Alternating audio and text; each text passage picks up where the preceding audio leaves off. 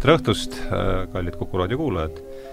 eetris on järjekordne Tähenduse teejuhtide vestlusring ja alustame siis täna nii, et tutvustame kõigepealt saatekülalisi. tere tulemast, Leo Kunnas, kolmandat korda, eks, äh, Tähenduse teejuhtide stuudios. Äh, esimene kord oli, eks ole, Kivisildnikuga ja rääkisime Konradi Konradist jah, rääkisime. aga millest me rääkisime, sa, sa, sa olid Raul Söödiga, eks, ja mis raamat me siis käsitleme? siis suutsin... me käsitlesime põhimõtteliselt teist maailmasõda, käsitlesime põhimõtteliselt ühte Saksa, Saksa politseipataljoni äh,. tavalised mehed. jah, ja, ja, ja tavalised mehed tuli just tege-, tegelikult sel nädalal äh, eestikeelses tõlkes välja, nii et äh, selles mõttes on päris hea äh, kokkusattumus. ja tere tulemast äh,, Aivo Andresson äh,! mõlemad endised kaitseväelased siis, eks. ja aga olge hea, öelge veel siis enda, enda kohta ka veel paar, paar sõna, enne kui ma siis te, saate teema sisse juhatan. No.. hakkame Leost pihta. minu jaoks on nüüd selle raamatu käsitlus huvitav ses mõttes, et ma olen ise selle raamatu ehk siis Sõda kaks tuhat kakskümmend kolm autor, mida me täna käsitleme, et kirjutasin selle raamatu aastatel kaks tuhat viisteist kuni kuusteist.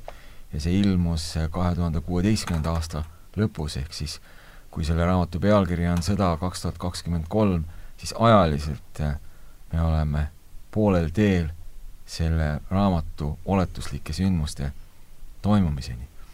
et äh, ses mõttes äh, minu jaoks see tänane raamatu käsitlemine on, on kahtlemata huvitav. ole hea, Aivo kui nüüd Ardo mulle selle pakkumise tegi, siis no eks mul väike kõhklus ikka oli, kuna raamatu autor isiklikult on ka siin, siis on äh, võib-olla natukene raske kaasa rääkida, aga samas on võib-olla temal ka huvitav kuulata minu lugeja arvamust. ja, ja minu vaatenurk on noh, kindlasti selles mõttes äh, suht sarnane, kuna ma olen endine kaitseväelane ja, ja miks mitte antud võimalust kinni haarata ja arutleda sel teemal äh, ma siis räägin ka, tähendab äh, nagu äh,, nagu Leo juba ja mainis ähm, või äh, Leo kommentaarist äh, võis ääri-veri aru saada, on siis tõepoolest selle saate teemaks meil täna Leo, ütle kaks tuhat kuusteist oli raamat? jaa, kaks tuhat kuusteist lõpus see ilmus jõuludeks, jah. kaks tuhat kuusteist aastal mm. ilmunud raamat Sõda kaks tuhat kolm siis kaks varianti, Taavet ja sõda kaks, kaks tuhat kakskümmend oh, kaks tuhat kakskümmend kolm, vabandust, kaks tuhat kakskümmend kolm. Äh, vabandust keelevääratuse pärast, et äh, ma räägin äh, vahest paari sõnaga ka sellest, kuidas mina selle teemani jõudis, jõudsin, et siis saame seda ko-, vestlust niimoodi koos võib-olla paremini korraldada, et ma töötasin siin hiljuti välja ühe kursuse, kus on kolm osa äh, laias laastus, esimene osa kannab pealkirja Mida me teame, need on siis kõik antud Eesti teoloogide Elmar Salumaa äh, kolmest, äh, sellest, kuidas Elmar Salumaa on sõnastanud filosoof, kõikide aegade filosoofia kolm põhiküsimust, mida me teame, mida me peame tegema ja mida me tohime loota. ja, ja see kursus on siis nagu selle, nende küsimuste alusel jaotatud kolme ossa ja see, kus see tänane saade minu jaoks asetub, on, on siis teise osa, äh, mida me peame tegema, kolmas, et noh, ütleme, et kui esimene osa käsitleb, mida me teame, käsitleb olukorda õues, mis on noh, pehmelt öelda murettekitav, et siis teine on, et noh, et mis seal õues ka ei toimuks, et me peame kõigepealt kuidagi ise säilitama enda sees tõenäoliselt selge mõistuse ja terve, terve meele.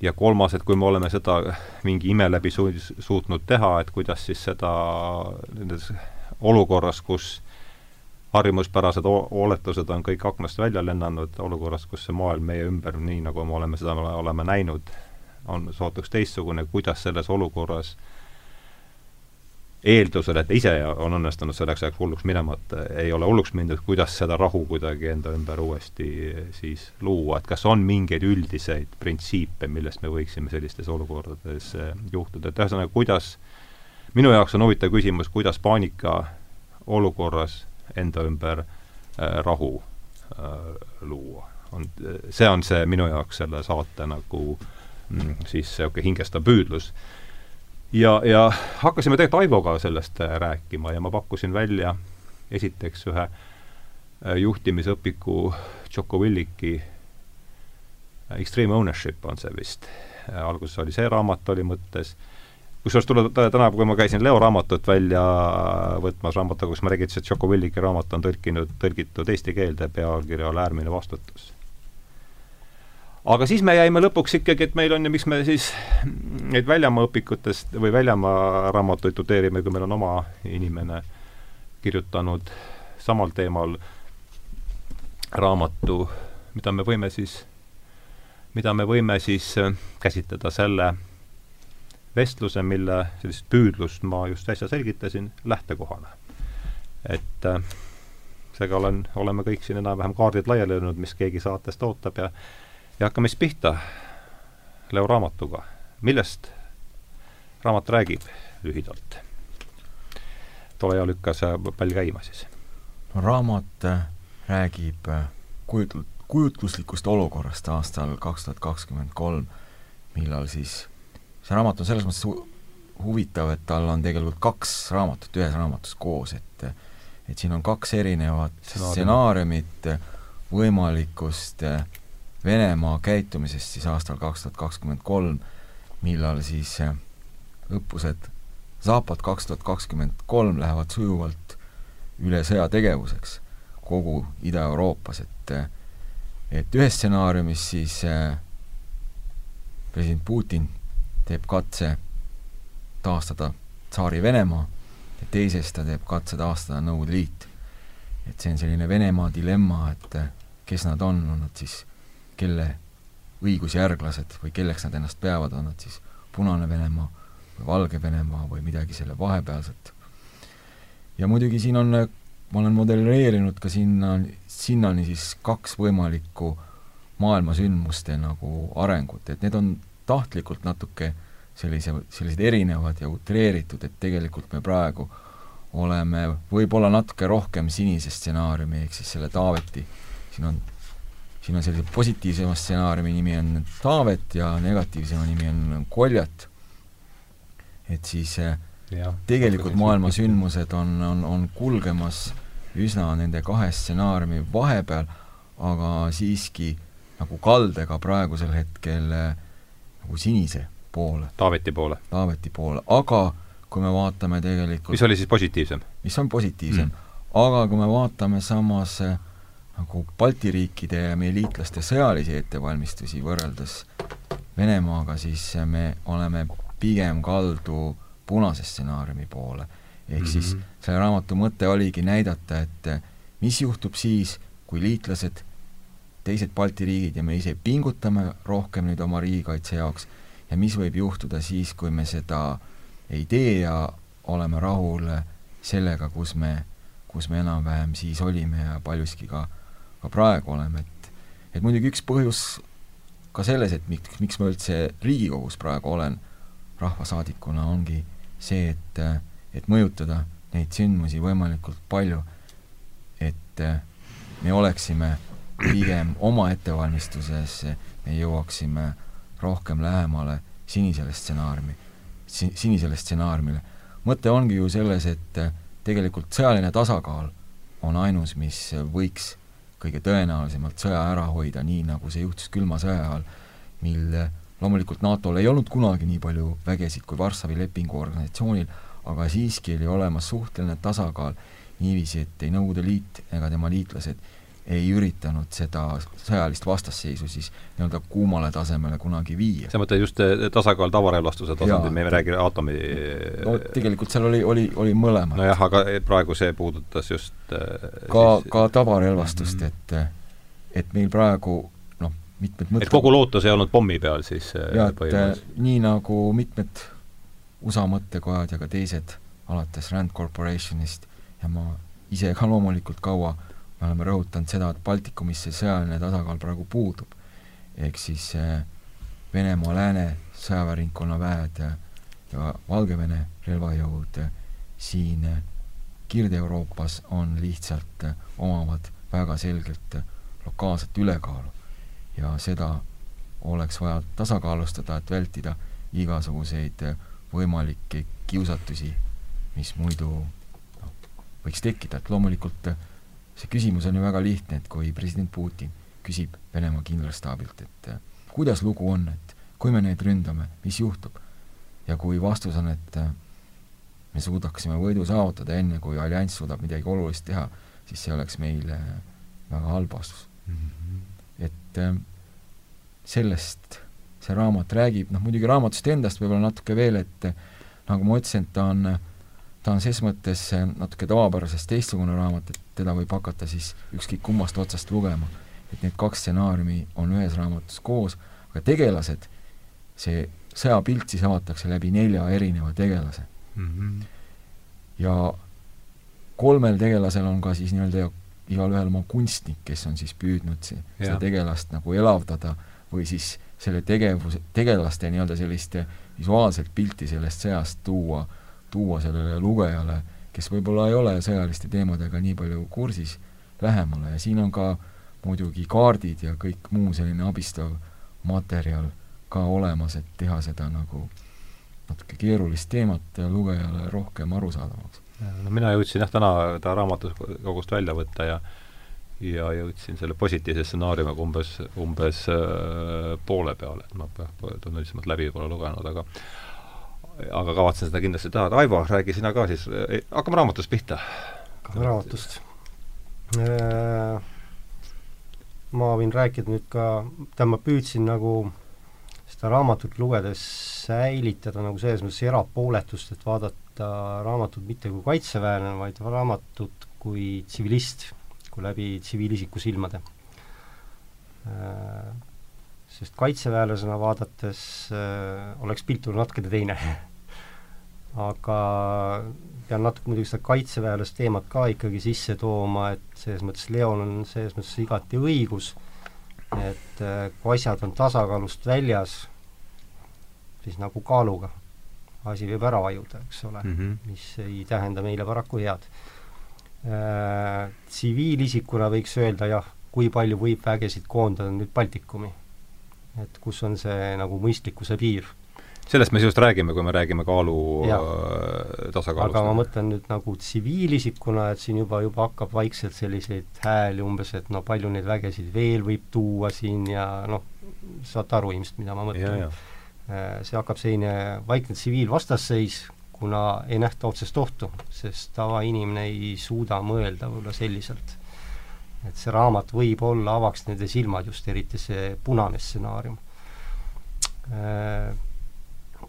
Äh, kui nüüd äh, stsenaarium eraldi lahti lüüa, kahjuks punane minu jaoks kaitseväelasena on väga realistlik. see on see pessimistlik nagu nüüd, eks ole? Äh, tsiviilisikule võib-olla ei ole nii ta arvab, et noh, see on ilmselt ilukirjandus siiski suurel määral ja kuna ei teata tegelikult neid eh, mehhanisme või asju, mis seal taga nagu on, sest ega noh, tsiviilisik ei ole kursis, palju on Pihkvas vägesid, palju on meil Peipsi taga, palju on äh, Peterburi taga, et noh, nad ei ole kursis äh, kas või lihtsalt sellega, et äh, tegelikult vägest aeg koondatakse, moderniseeritakse neid samu üksusi. just, et olla mhm. valmis, ütleme siis nende jaoks lääne piiri peal et äh, võib-olla tsiviilisikule oleks kõige valutum variant, kui meil on needsamad toetavad üksused Poolas. aga me teame ise, et Suwalki koridor on vist selle asja nimi. Mis võib väga kiire... kus see Suwalki koridor täpselt tuleb, ma ei jõudnud, ma sattusin selle mõiste peale, aga ma ei jõudnud seal vikit teha, et kus no see tuleb Poola kohanimest, et see koridor on äh, nii-öelda maismaaühendus Baltikumi maismaaühendus Poolaga, Poolaga, ehk siis Valgevene ja Kaliningradi enklaavi ah, vahel. just, just, just, just, just, just, just. kuna ta on niivõrd kitsas, eks ole, see on võimalik väga kiiresti kinni tõmmata. mis see laius on seal kõige kitsamas kohas? umbes kaheksakümne kilomeetri ringis mm. -hmm. Okay, see on strateegilise tähtsusega koridor, eks ole, kogu selles mängus. kindlasti, kindlasti et ütleme, tsiviilisikule võib-olla oleks see kõige valutum, aga noh, samas me peame siiski realistlikud olema, et äh, selle koridori kinnitõmbamisel ei ole meil mingeid variante ja siis läheb käiku seesama punane versioon raamatust. ehk me peame aga punases versioonis läheb see Walki koridor kinni või? ma ei ole seda, oli nii või? jah, tõmmatakse ligipääs ligi, kinni samamoodi merelt mm. -hmm. nii et see on see meie jaoks must stsenaarium või siis nii-öelda punane selles raamatus ja see eeldabki seda, et me peame ise hakkama saama, toetus kas liitlastele, oma jõududele, nendel kõigil korraga mm. -hmm no nii, aga siit saab nüüd ühte teistpidi edasi minna, et räägime, mis see olukord siis äh, sealpool piiri on, et mida kujut-, see, seda me juba kuulsime, et kogu see ti-, triangel läheb lahti siis äh, sellest, et äh, läheb Pooluse sõjaväe õppus Zapad läheb üle valgub üle kallaste, piltlikult kõneldes, et mida see Zaapad endast, mida kujutab endast üldse see õppus äh, Zaapad? See on mingi regulaarne värk näiteks? Neil on see olnud regulaarne kui tihti nad teevad seda? iga nelja aasta tagant, et siin Aha. seda on viidud raamatustsenaariumi järgi tihedamaks, et et kahe aasta takka. et muidu kakskümmend üks on see aasta, millal jälle tuleb, et et muidugi see on äh, võib-olla kõigist nendest stsenaariumitest, mida ma siin raamatus kujutan, kõige ohtlikum, et loomulikult neid stsenaariume on veel teisi ja ja neid selliseid stsenaariumite gruppe juba on tegelikult nagu viis, et me peame olema erinevateks stsenaariumiteks valmis, aga see on nii-öelda kõige ohtlikum siis, tagajärgede poolest kõige ohtlikum, me ei, loomulikult ei saa väita, et milline neist on, on kõige tõenäolisem, et tõenäolisemad stsenaariumid võivad olla ka teised. Aga kunagi ei ole ükski sõda tulnud täpselt samasugune nagu eelmine. Ehk kui me vaatame nüüd Vene, Venemaa sõdade kronoloogiat, siin on kaks Tšetšeenia sõda, Gruusia sõda, Ukraina sõda oma erinevate faasidega, kus on toimunud väga erinevad asjad ja sekkumine Süürias, siis me näeme, et et noh, kas või Ukrainaski, et, et Krimmi kiire anneksioon, siis Ida-Ukrainas konflikti initsieerimine ehk siis praktiliselt eriteenistuste poolt siis kohalike nii-öelda kaasajookstikute abil, aga samas näiteks kahe tuhande neljateistkümnenda aasta lõpus, kui Ukraina asus vastupealetungile, siis nagu otsene sekkumine ja praktiliselt eh, lahingud, eh, noh, kui võtame näiteks Delo-, Debaltseve ja Ilovaiski, et selliste nagu Teise maailmasõja nagu suurte lahingutega sisuliselt eh, samal tasemel, kus, kus kui võtame näiteks Debaltseves, et Ukraina pool kaotas umbes sada tanki, kakssada viiskümmend soomukit. see on nüüd selles, see on nüüd selles Ukraina konfliktis? Kaks tuhat neliteist, kaks tuhat viisteist algus, algus, need on kaks sellist märk, märksõna, et Debaltsevo De,? Debaltsevo ja Ilovaisk, et kui sul on vägesid vähe ja sul oma, oma väed jäävad kotti, et et siin punases stsenaariumis ma olen ka üsna palju nagu, nagu nende kahe lahingu nagu kogemusi ja ja siis seal toimunut modelleerinud, et et, et halval juhul, kuidas see see võiks minna, et et ega sõja olemus, ta noh, teatud mõttes ei ole muutunud. On tulnud lihtsalt juurde uusi dimensioone, uusi ulatusi, nagu näiteks kübersõda, siis elektrooniline võitlus, psühholoogiline sõda, noh, see on muidugi vana asi, et aga ükski vana pole nagu kuskile kadunud, et ikkagi noh, võitlevad sõdurid selle maa pärast, soomusüksused võitlevad, et et kõik see, mis on olnud, see on jäänud ja see on muutunud keerulisemaks tänu sellele, et on tulnud juurde neid samu uusi, uusi ulatusi, aga see ei ole teinud, kaotanud ära või, või, või muutnud vähem tähtsaks ühtki ulatuvust, mida juba Teise maailmasõja ajal või Esimese maailmasõja ajal, mis siis juba olid Äh, mis seal äh, kahe lahingu peale kokku, mis see kokku langenute arv umbes, mis suurusjärkudes me räägime, ikka sadades? siin me räägime sadadest. või tuhandetest? noh, lõpuks Ukraina sõja kontekstis me ikkagi räägime, kaotuste hulk on ületanud kümne tuhande piiri Ukraina poolele. Ukraina poole peal kokku, jah ja,. ja need, ja need on kaks suurimat lahingut siis praegu? Need, mis oli, Debaltsev või Valts? Debaltsev ja siis Ilovaisk. Ilovaisk, jah. Ilovaisk oli, oli ennem siis nagu sügisel ja Debaltseva siis talvel juba, juba kaks tuhat neliteist lõpp viis, viisteist. Ja siis Ukraina on praegu kaotanud kümme tuhat meest umbes äh, selles kon-, konfliktis, mis on jah, siis üle, üle selle juba. mis hakkas meil, mis aastal see hakkas? kaks tuhat neliteist. kaks tuhat neliteist, jah. et see on nüüd äh, sellises madala intensiivsusega faasis, aga tulevahetusi on iga päev, keegi saab haavata, keegi saab surma, et et need faasid lihtsalt on olnud erinevad, et see on sellisel poolkülmutatud kujul kas see on nüüd koos haavatutega või, või ainult surnute on see kümme tuhat? See on ainult, ainult surnud. surnud, jah. seal, ja see haavatute, kas on mingi rusikareegel ka sõja selles, et haavatute ja langenute mingi niisugune suhtarv? kõik sõltub äh, kasutatavast tehnikast ikkagi, üks asi on käsitulirelvad, teine on äh, isegi suurtükituli on täiesti erinev no,. miinipildu ja suurtükid, äh, väga suur vahe. Ukrainas on muidugi kaartulest on, on väga, väga palju kaotusi, enamus kaotusi ongi, ongi kaartulest, suurtüki miinipilduja tuli. Aga kaar tuli siis selles jah, jah, jah, jah, jah, jah, ja ma just mõtlesin, mis ei, ei olnud Google'is ka abi sellel, seda, seda ma seal üritasin ennast viia. ahah, aga tagasi siis selle Zaapadi juurde, et äh, see on siis nüüd kõige, saame aru, et see on nüüd üks nende, kui me räägime suurtest sõjamängudest, et siis neid on seal tõenäoliselt mitu, üks on Zapad, aga see on siis üks kõrge, kõige kõrgema tasemega sõjamäng, tõenäoliselt midagi, midagi nad harjutavad lõunas. No igas igas ringkonnas on oma, oma, oma harjutus. palju neil on ringkondi? põhimõtteliselt ringkondi on, on kokku neli. Ja igas ringkonnas on uh, oma harjutus. Ja siis uh, niiviisi need nagu vahelduvad ja siis on neil veel loomulikult siin läänes see Shitsa-Jusa, mis, mis on, mis on siis, siis üle aasta, nendel aastatel, millal, millal saapadid näit-, näiteks ei ole mm.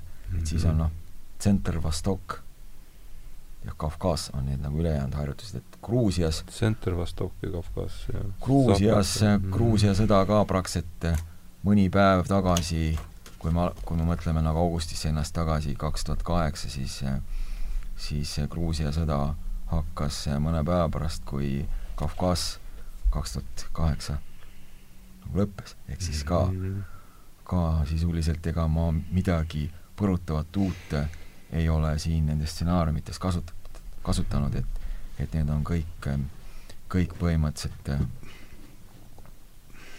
kõik stsenaariumid, mida Venemaa on, on juba rakendanud. Et kirjanud, on siis neli sõjaväeringkonda Venemaal? Zapad, Tsenter Kavkaz ja Vostok. Vostok, jah mm. -hmm see on siis kogu Jaapani pool see jaa, see on kaug, Kaug-Siber, Kaug-Ida suurem osa mm. -hmm.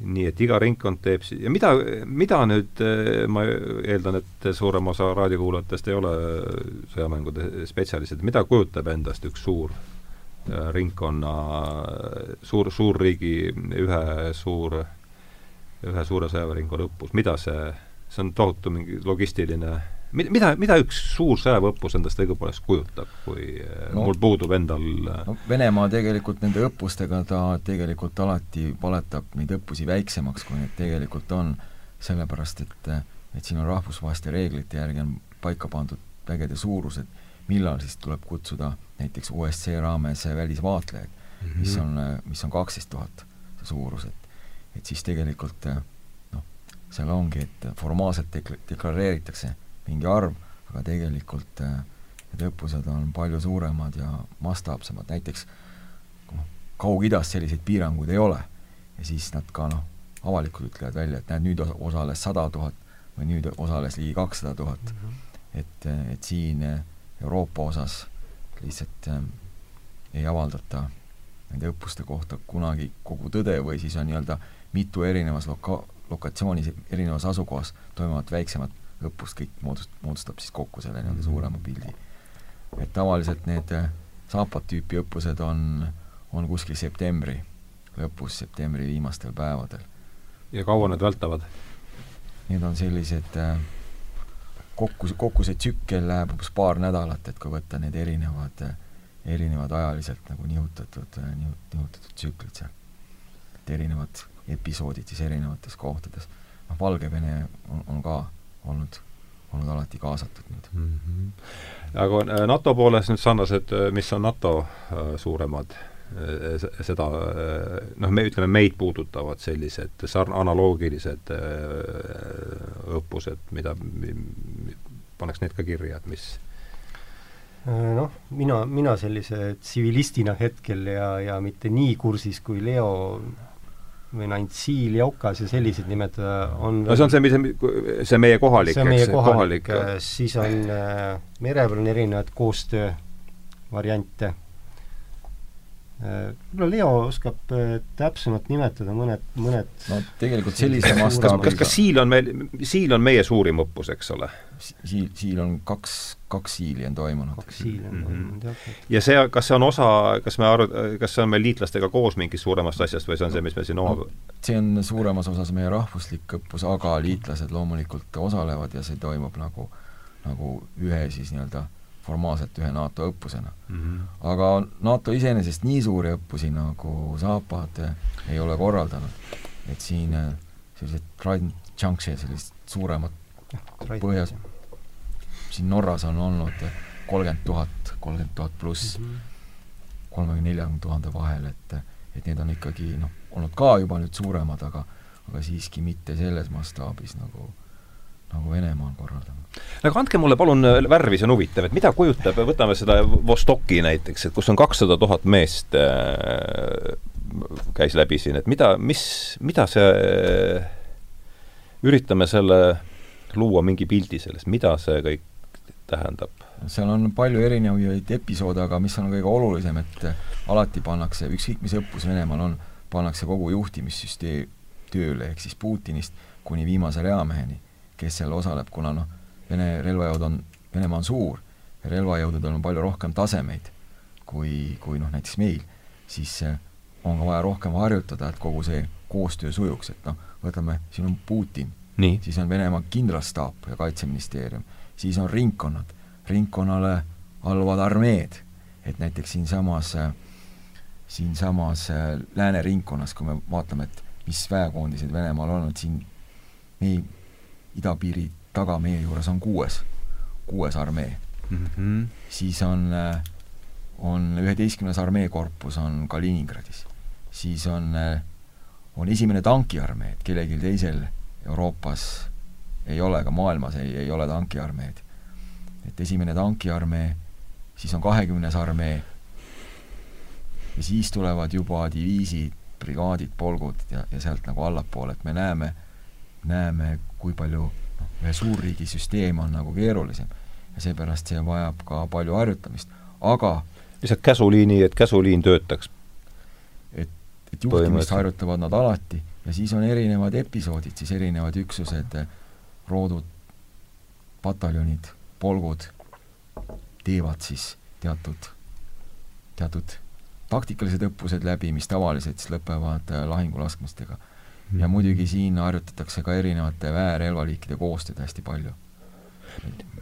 konkreetselt, mida see erinevate lahinguliikidega või mis on need, mis vormi ta võtab sellise, ütleme no seal tehakse väga erinevaid asju, et lastakse ikka mõni noh, kuni selleni, et lastakse mõni ballistiline rakett välja, vaadatakse, kuidas see tabab kuskilt näiteks lääneosast polügooni kuskil mm -hmm. idaosas, siis tehakse mõned strateegilised ümberpaigutused, näiteks võetakse, võetakse mõned roodud, mõned pataljonid õhudessantvägesid, viiakse põhimõtteliselt eh, ühest riigi otsast teise, pannakse rongidele, teatud üksused liigutatakse neid, mängitakse väga erinevaid asju läbi. Ja siis muidugi noh, tehakse erinevatel polügoonidel siis siinsamas eh, lääneringkonnas erinevaid õppusi, ehk siis harjutatakse peale, no, pealetungilahingut näiteks peamiselt ja siis lõpuks tehakse ka lahinglaskmised. Ja siis need see, see kogu see pealtnäha nii-öelda kirju pilt siis toimub, toimub mingi ühe kindla stsenaariumi raames, kus siis mängitakse läbi, läbi näiteks formaalne nimetus asjal on terrorismivastane operatsioon, aga tegelikult mängitakse siis läbi kuni selleni, et kuidas anda NATO vägede pihta põhimõtteliselt tuumalöök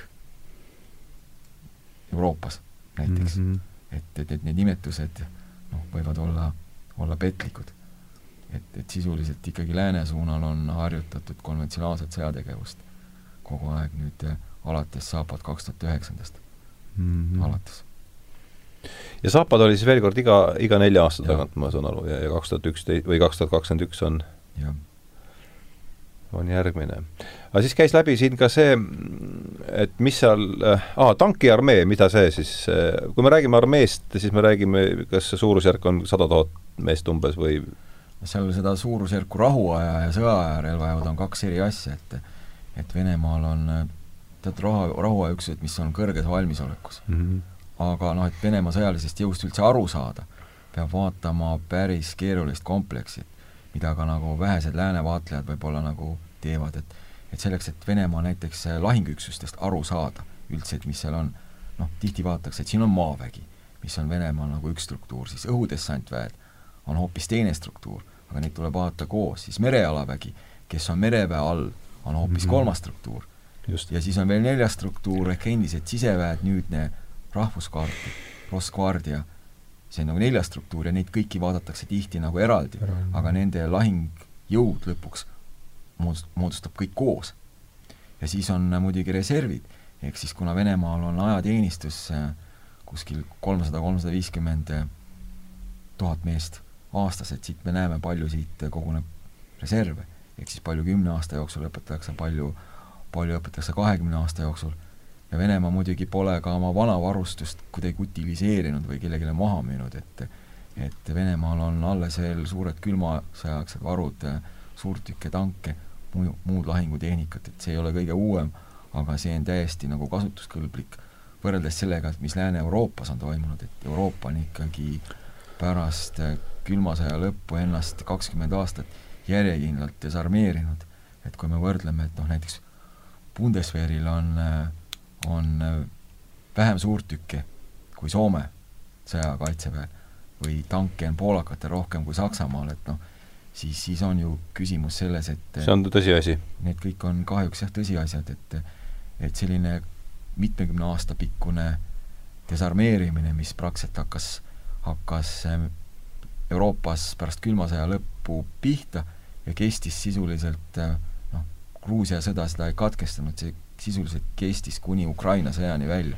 ka Venemaal toimus muidu ühe, muidugi üheksakümnendate aastatel desarmeerimine, aga see lõppes praktiliselt kohe, kui president Putin astus ametisse mm. -hmm. ehk siis Venemaal see lõppes nagu palju varem ja kui noh, vaatame kas või kaitsekulusid, noh kaitsekulud on Euroopa riikidel olnud kuskil kahe protsendini jõudnud väga vähesed, mis on NATO nagu soovitatav rajajoon, need on pigem olnud äh, lähemal ühele protsendile üsna pikka aega.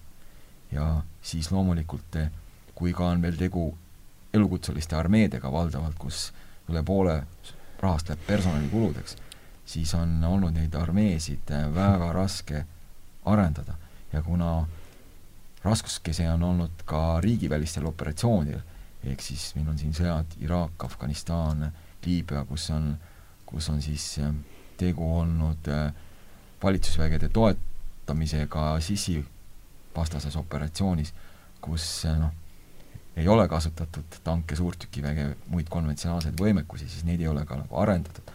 aga Venemaa vastupidi on, on järjekindlalt kõike seda arendanud ja eriti intensiivselt nagu, nagu sellel aastakümnel, mis nüüd, nüüd lõpeb.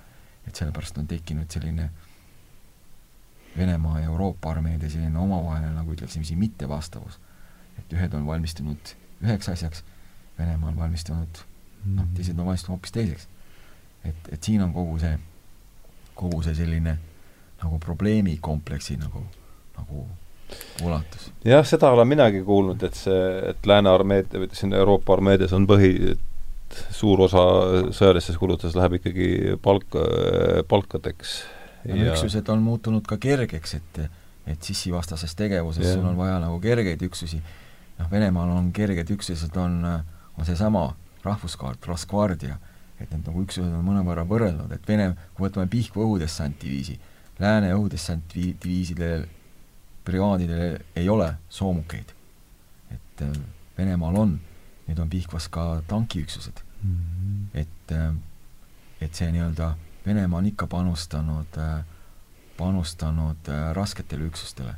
et Venemaal ju tank on põhimõtteliselt ikkagi maaväe lahingutegevuses selline nagu põhiline ühik, mille ümber seda süsteemi on, on nagu läbi aegade ehitatud ja see pole kuskile nagu muutunud mm. -hmm tule, tuleta mulle, Aivo, palun meelde, mis väeosas või mis, kus see sinu äh, kaitseväelase karjäär, mis, mis väeosas ja mis ma suurema osa oma ajast olin Tartu pataljonis äh,, alustasin miinipilverühmas, siis oli jalavägi õppekompanii ja siis lõpuks olin staabis personali peal. ja Lõunakaitseringkonnas ka kaks aastat, nii et ma mingil määral seda süsteemi tunnen. Äh, praegu võib öelda, et süsteem on jah, natuke laiali lammutatud, millest on ka siin raamatus punases stsenaariumis juttu.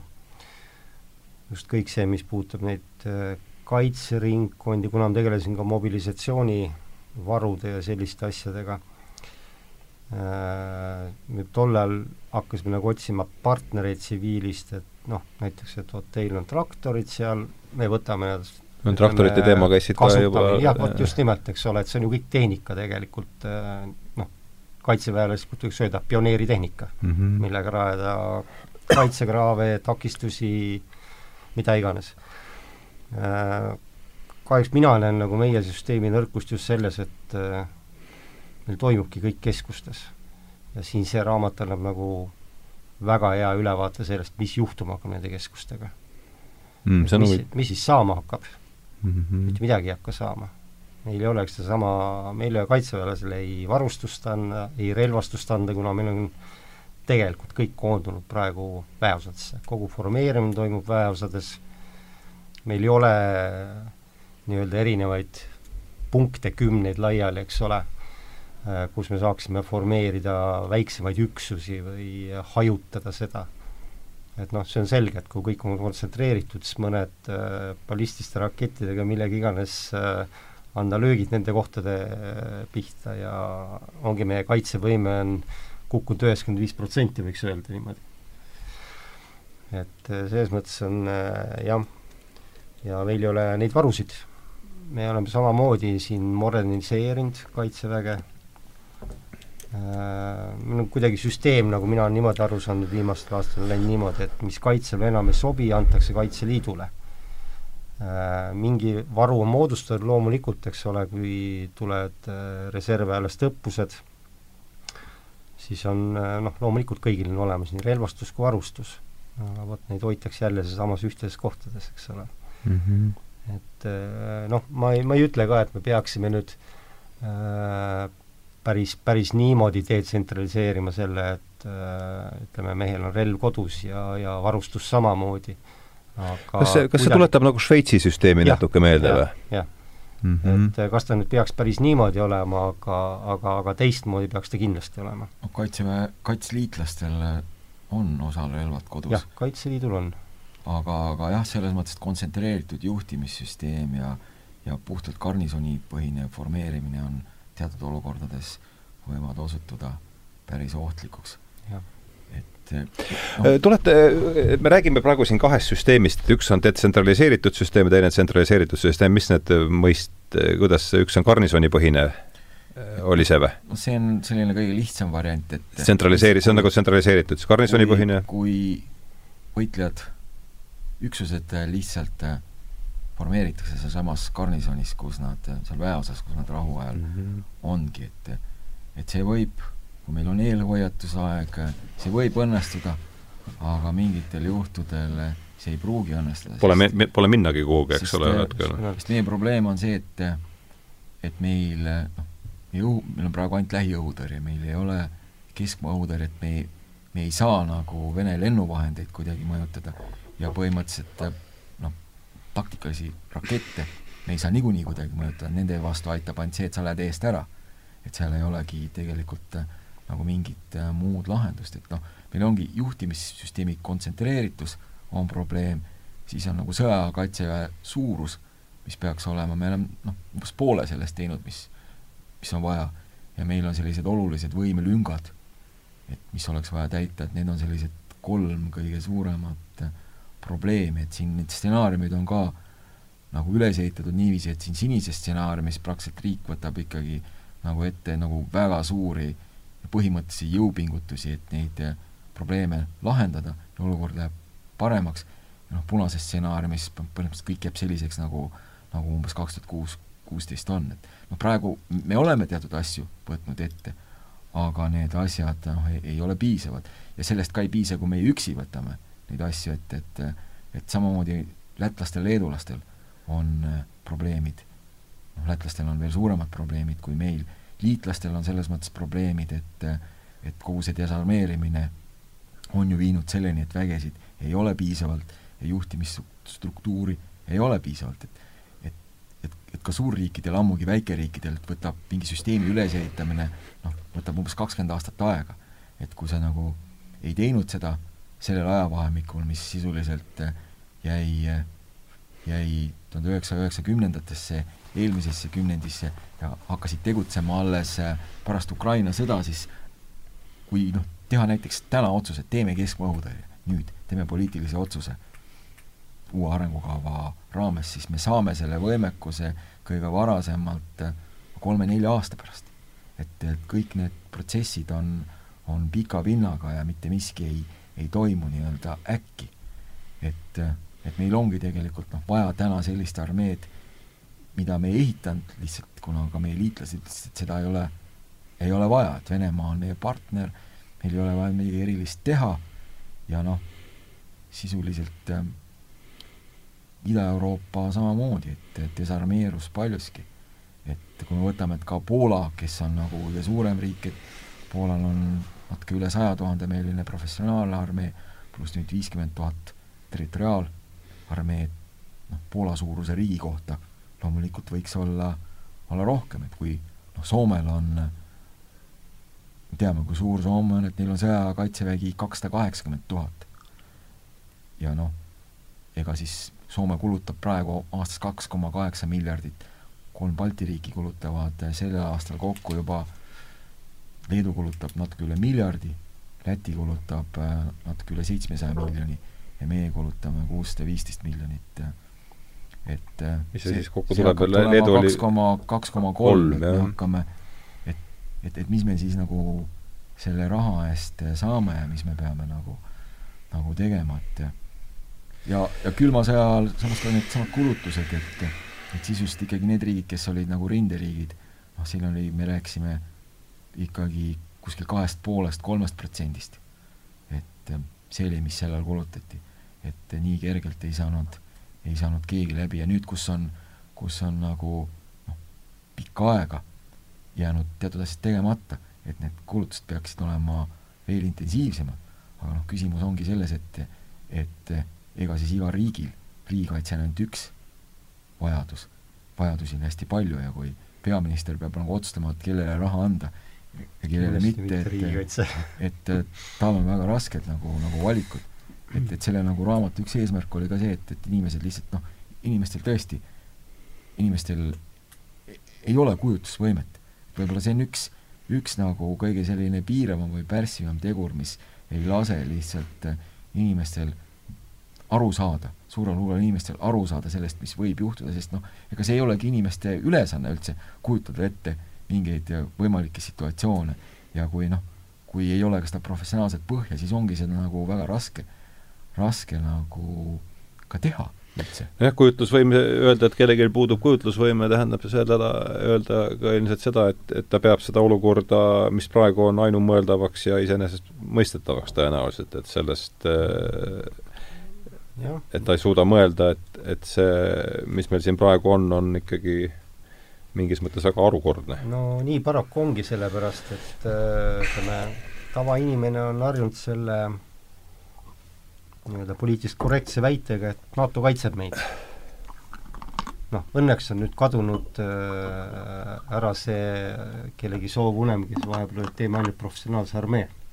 on ikkagi lõpuks aru saadud, et äh, reservi tuleb toota siiski, sest iga, iga riik peab suutma ennast siiski kaitsta, eks, ja siin on ju raamatus jälle väga hästi see välja toodud, eks ole, et nii või naa, ükskõik mis stsenaariumi järgi tegelikult me peame kõigepealt ise hakkama saama. vähemalt esimesed kolm-neli nädalat. et see on nagu täiesti ükskõik mis stsenaariumi järgi esimese kolm nädalat? noh, reaalsus on selline, ma arvan, et Leo on minuga nõus. ega siin vägede, vägede saatmine, kõigepealt on vaja poliitilist otsust, et kui kiiresti see tehakse.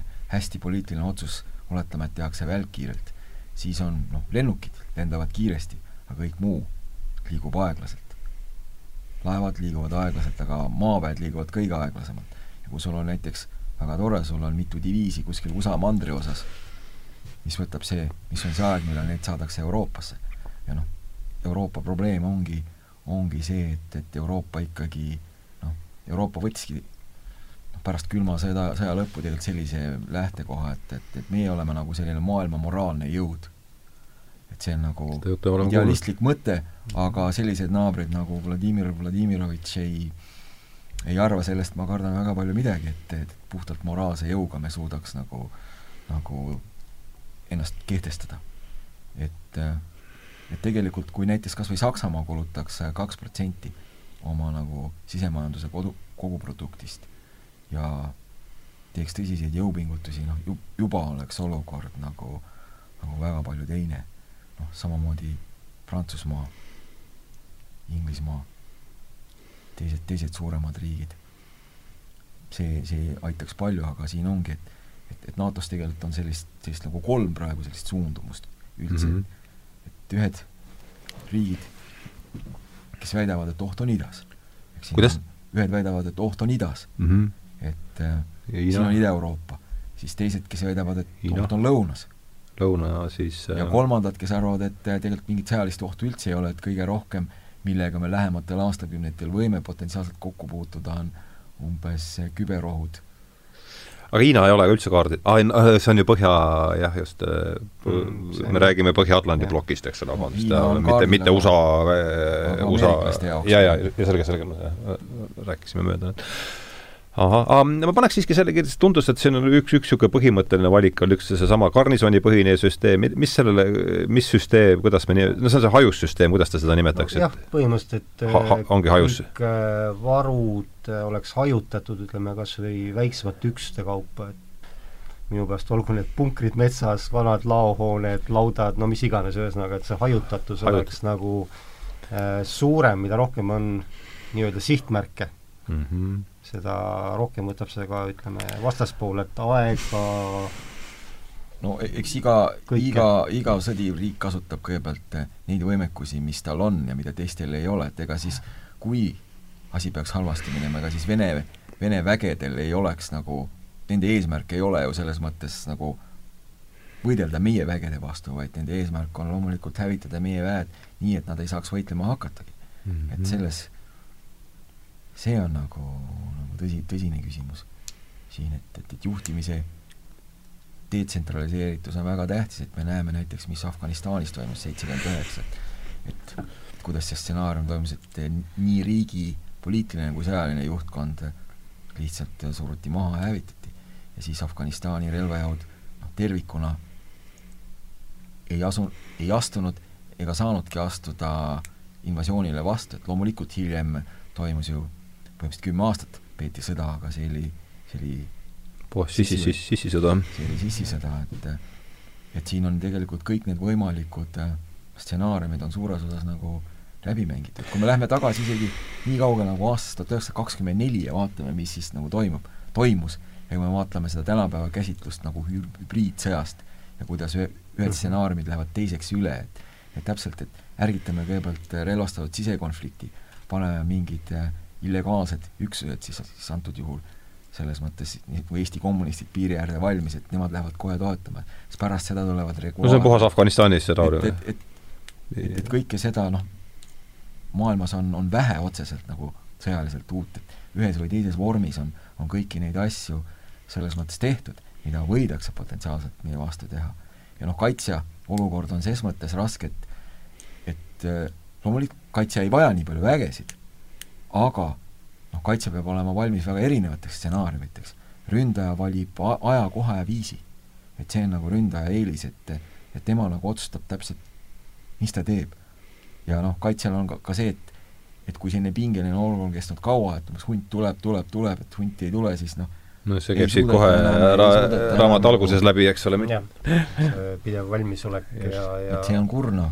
et, et siin on nagu, nagu palju selliseid äh, selliseid nagu raskeid küsimusi, mida ma püüd, püüdsin muidugi, muidugi siin nagu kõiki esitada. no ma kujutan ette, kui me noh, jällegi täiesti teema, teema on ju mulle tundmatu, ikkagi suure, suurel määral, et ma kujutan ette, see põhiline poliitiline valik on siin see garnisoonipõhise süsteemi juures ja ajussüsteemi juures, kas sa jätad kodanikele relvad kätte või mitte, eks, kas see ei ole mitte üks suur, suur, suur poliitilisi, nagu Šveitsis on, ma saan aru, inimestel on relvad, siis sõjaväelastel on relvad kodus või saan ma õigesti aru? Šveitsis on sõjaväelastel. reservväel, jah, noh. noh. ma kujutan, et see on üks põhi, üks, üks suur no kui me hakkame sellestki pihta, et näiteks noh, kaitseliitlastel on osal, osal relvad juba kodus, et kui reservväelane saab oma varustuse koju mm, -hmm. see teeb juba asja väga palju lihtsamaks, et, et loomulikult noh, see on, see on nagu selles mõttes tõsine küsimus ja tõsine poliitiline otsus, et võib juhtuda sama nagu Kaitseliiduga üheksakümnendate aastate alguses, et et toimus intsidente. et siin ka me neid intsidente ei saa nagu välistada, aga siis ongi küsimus, et mis on see nagu tali-, taluvuse piir, et et millega me oleme valmis riskima sel juhul, kui kui see küsimus niiviisi esitada, et valmisoleku tõstmisel. ja loomulikult see eeldab, eeldab julgeolekukontrolli, kõike, kõiki nagu toiminguid, milleks on, on vaja valmistuda, et seda ka ei ole võimalik teha niiviisi, et teeme täna otsuse ja järgmise aasta esimesest jaanuarist hakkab jooksma, et et, et see kõik on no, on üsna, üsna keeruline küsimus või küsimuste ring. no mina no, näen, üks, üks võimalus oleks isegi see, kui me alustaksime kas või sellist lihtsamast asjast nagu seesama tavavarustus, mis võitlejale antakse mm -hmm. õppekogunemisel.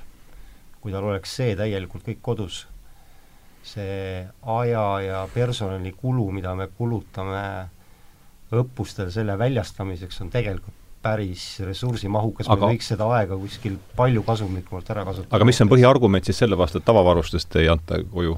seal peab, peab olema mingi no, mil-, millega seda põhjendatakse? ega selle, selles suhtes tegelikult mingit nagu nagu otseselt mingit väga tugevat argumenti selle poolt, et, et miks seda nagu peaks mitte tegema, et tegelikult seda ei olegi, et aga ometi kord on selline? sel juhul saaks äh, ladudes põhimõtteliselt äh, rohkem ruumi vabaks äh, näiteks laskemoona jaoks. et, et see juba, juba aitaks, aitaks palju kaasa.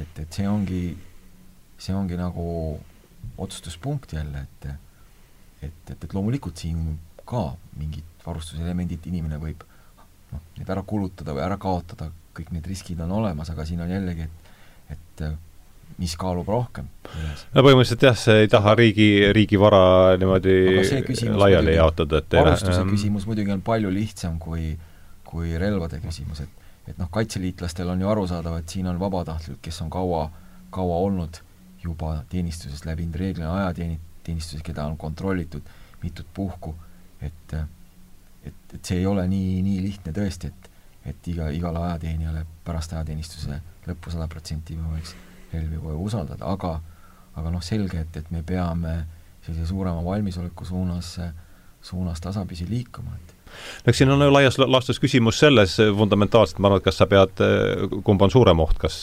relvastatud kodanikkond või, või siis, või siis välis, välisvaenlane, ma arvan, et see on ju, kas ei ole see mitte üks no relvastatud kodanikkond vaevalt kellelegi ohtu kujutab, et siin on lihtsalt üksikud ebastabiilsed vaimselt häiritud. no ma jah, et, et kui kodanik, kui kodanikul on relvad käes, siis võib tekkida et, sellest et, et loomulikult see on no., see on ju näiteks, näiteks lihtne küsimus, et kui sul on automaatrelv käes ja sa lähed ikkagi hulluks, lähed kuskile laulupeole, avad tule, et noh, et, et ka need no just, noh need on need, need kaks, kaks ka-, kaks, kaks kaalukaussi. et, et, et, et kindlasti noh, selle üle tasub mõelda, et mm, -hmm. mis on, mis on need, need kaalukausid, et ka Šveitsis ega selle kultuuri kujundamiseks on, on kulunud äh, Just. aastakümneid või aastasadu, aga kuskil pidi olema punkt, kust nagu pihta hakati.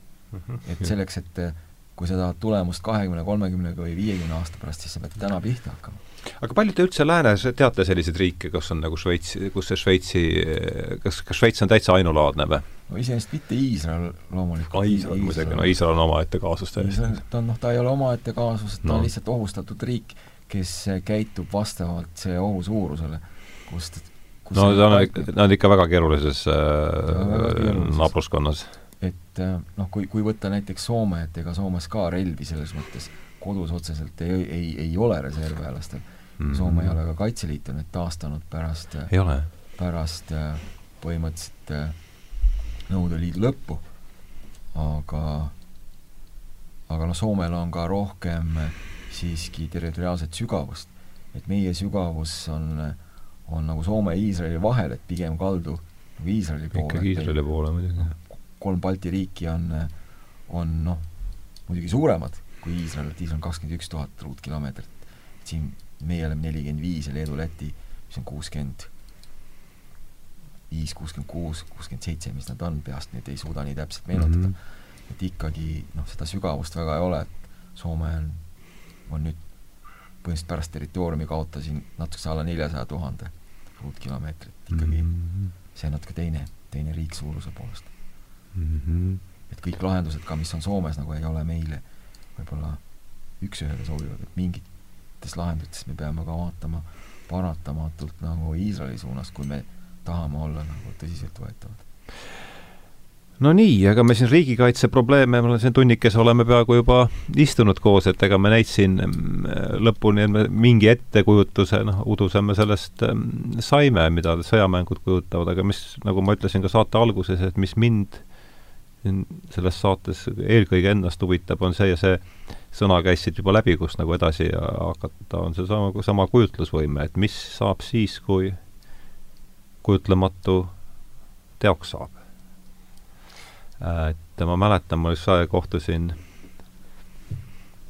noh, ma lihtsalt äh, kohtusin siin eelmisel kevadel just ühe, oli juba mingi seitsekümmend aastate vanuses jänki, kes oli, läks vabatahtlikule veatama ja ta, tema rääkis sellise loo, et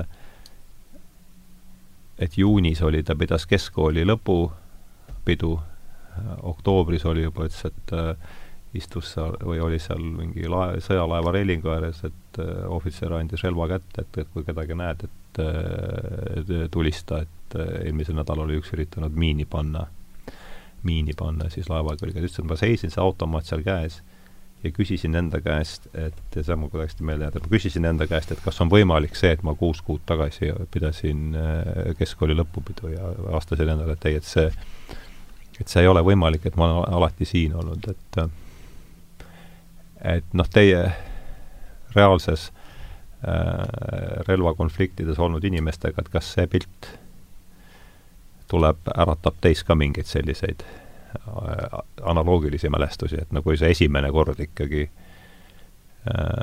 esimene säärane olukord, kus ikkagi seisad vastu äh, äh, surma ja, ja paanikaga, et äh, kas on, mis, mis, nagu ma ütlesin alguses, kas on, on mingeid üldiseid printsiipe, mis meid võiksid sellistes olukordades aidata, et see on reaalselt see, mis mind selle saate juures huvitab? ma võin äh, tuua näiteks oma esimesest missioonist Estla kahega, kui me olime Horvaatia-Bosnia piiri ääres. Äh,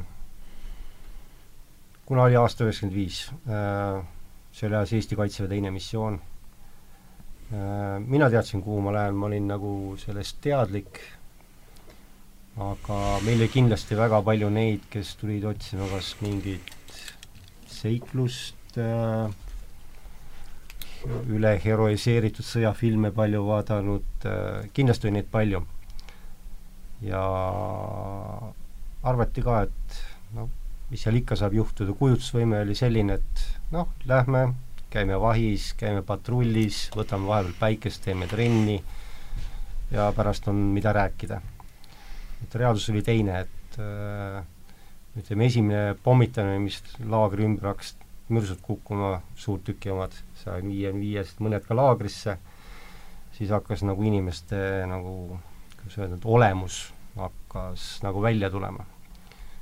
et inimesed, kes käisid nagu nii noh, kuidas, kui nüüd öelda tavainimese jaoks, nagu rambod ringi äh,. olid täiesti vait kaeviku nurgas või punkris, mõni lausa värises äh,. Noh, ma ei ütle, mis rahvusest, kellega me koos olime, mõni lasi ka püksid täis, sõna otseses mõttes aa, see oli rahvusvaheline NATO, NATO äh, kontingent seal või ja, me räägime Estblast? Äh, me räägime Estblast, aga kuna me kuulusime ühe teise riigi kontingendi alla, siis me olime nendega koos laagris äh, samas oli ka inimesed, kelle kohta sa mõtlesid nagu, et mida tema, tema teeb nagu üldse Kaitseväes, et miks ta üldse nagu tuli. ja mõni selline inimene muutus, kuidas öelda, ülimalt efektiivseks juhiks, kes võttis näiteks ka mõnikord juhtimise üle. see on nagu selles psühholoogilises kõte mõttes nagu väga huvitav, kuidas noh, ütleme niimoodi, et mitte kellestki sai äkki juht, need on mm -hmm. need, mis mm. situatsioon tingis nagu juhi ja samas juht, kes oleks pidanud juht, ei suutnud vastu võtta ühtegi otsust näiteks. ja vot see mind eriti just huvitabki, see, et see, kõigepealt sa pead mm -hmm. saama, kui, kui sa satud sellesse olukorda, sa pead kõigepealt mm -hmm. endas saama, eks ole, selguse ja rahu ja siis, et sinust üldse mingit ja. tolku oleks, ma kujutan ette. aga no vot, see ongi nüüd see, et kui inimene satub nagu esimest korda situatsiooni, et ega me keegi ju ei tea, me ei tea keegi. kuidas me käitume tegelikult. et noh, no mina olen eluaeg selline, kuidas öelda vastupidine, mitterahulik just olnud selline agressiivne, mitte jah, noorena võib öelda küll agressiivne, jah. mitte nüüd rusikas püsti, aga üliaktiivne ja agressiivne siiski. et see rahu on nagu tulnud aastatega, aga minus see tekitas pigem ka sellise, et ma muutusin just rahulikumaks.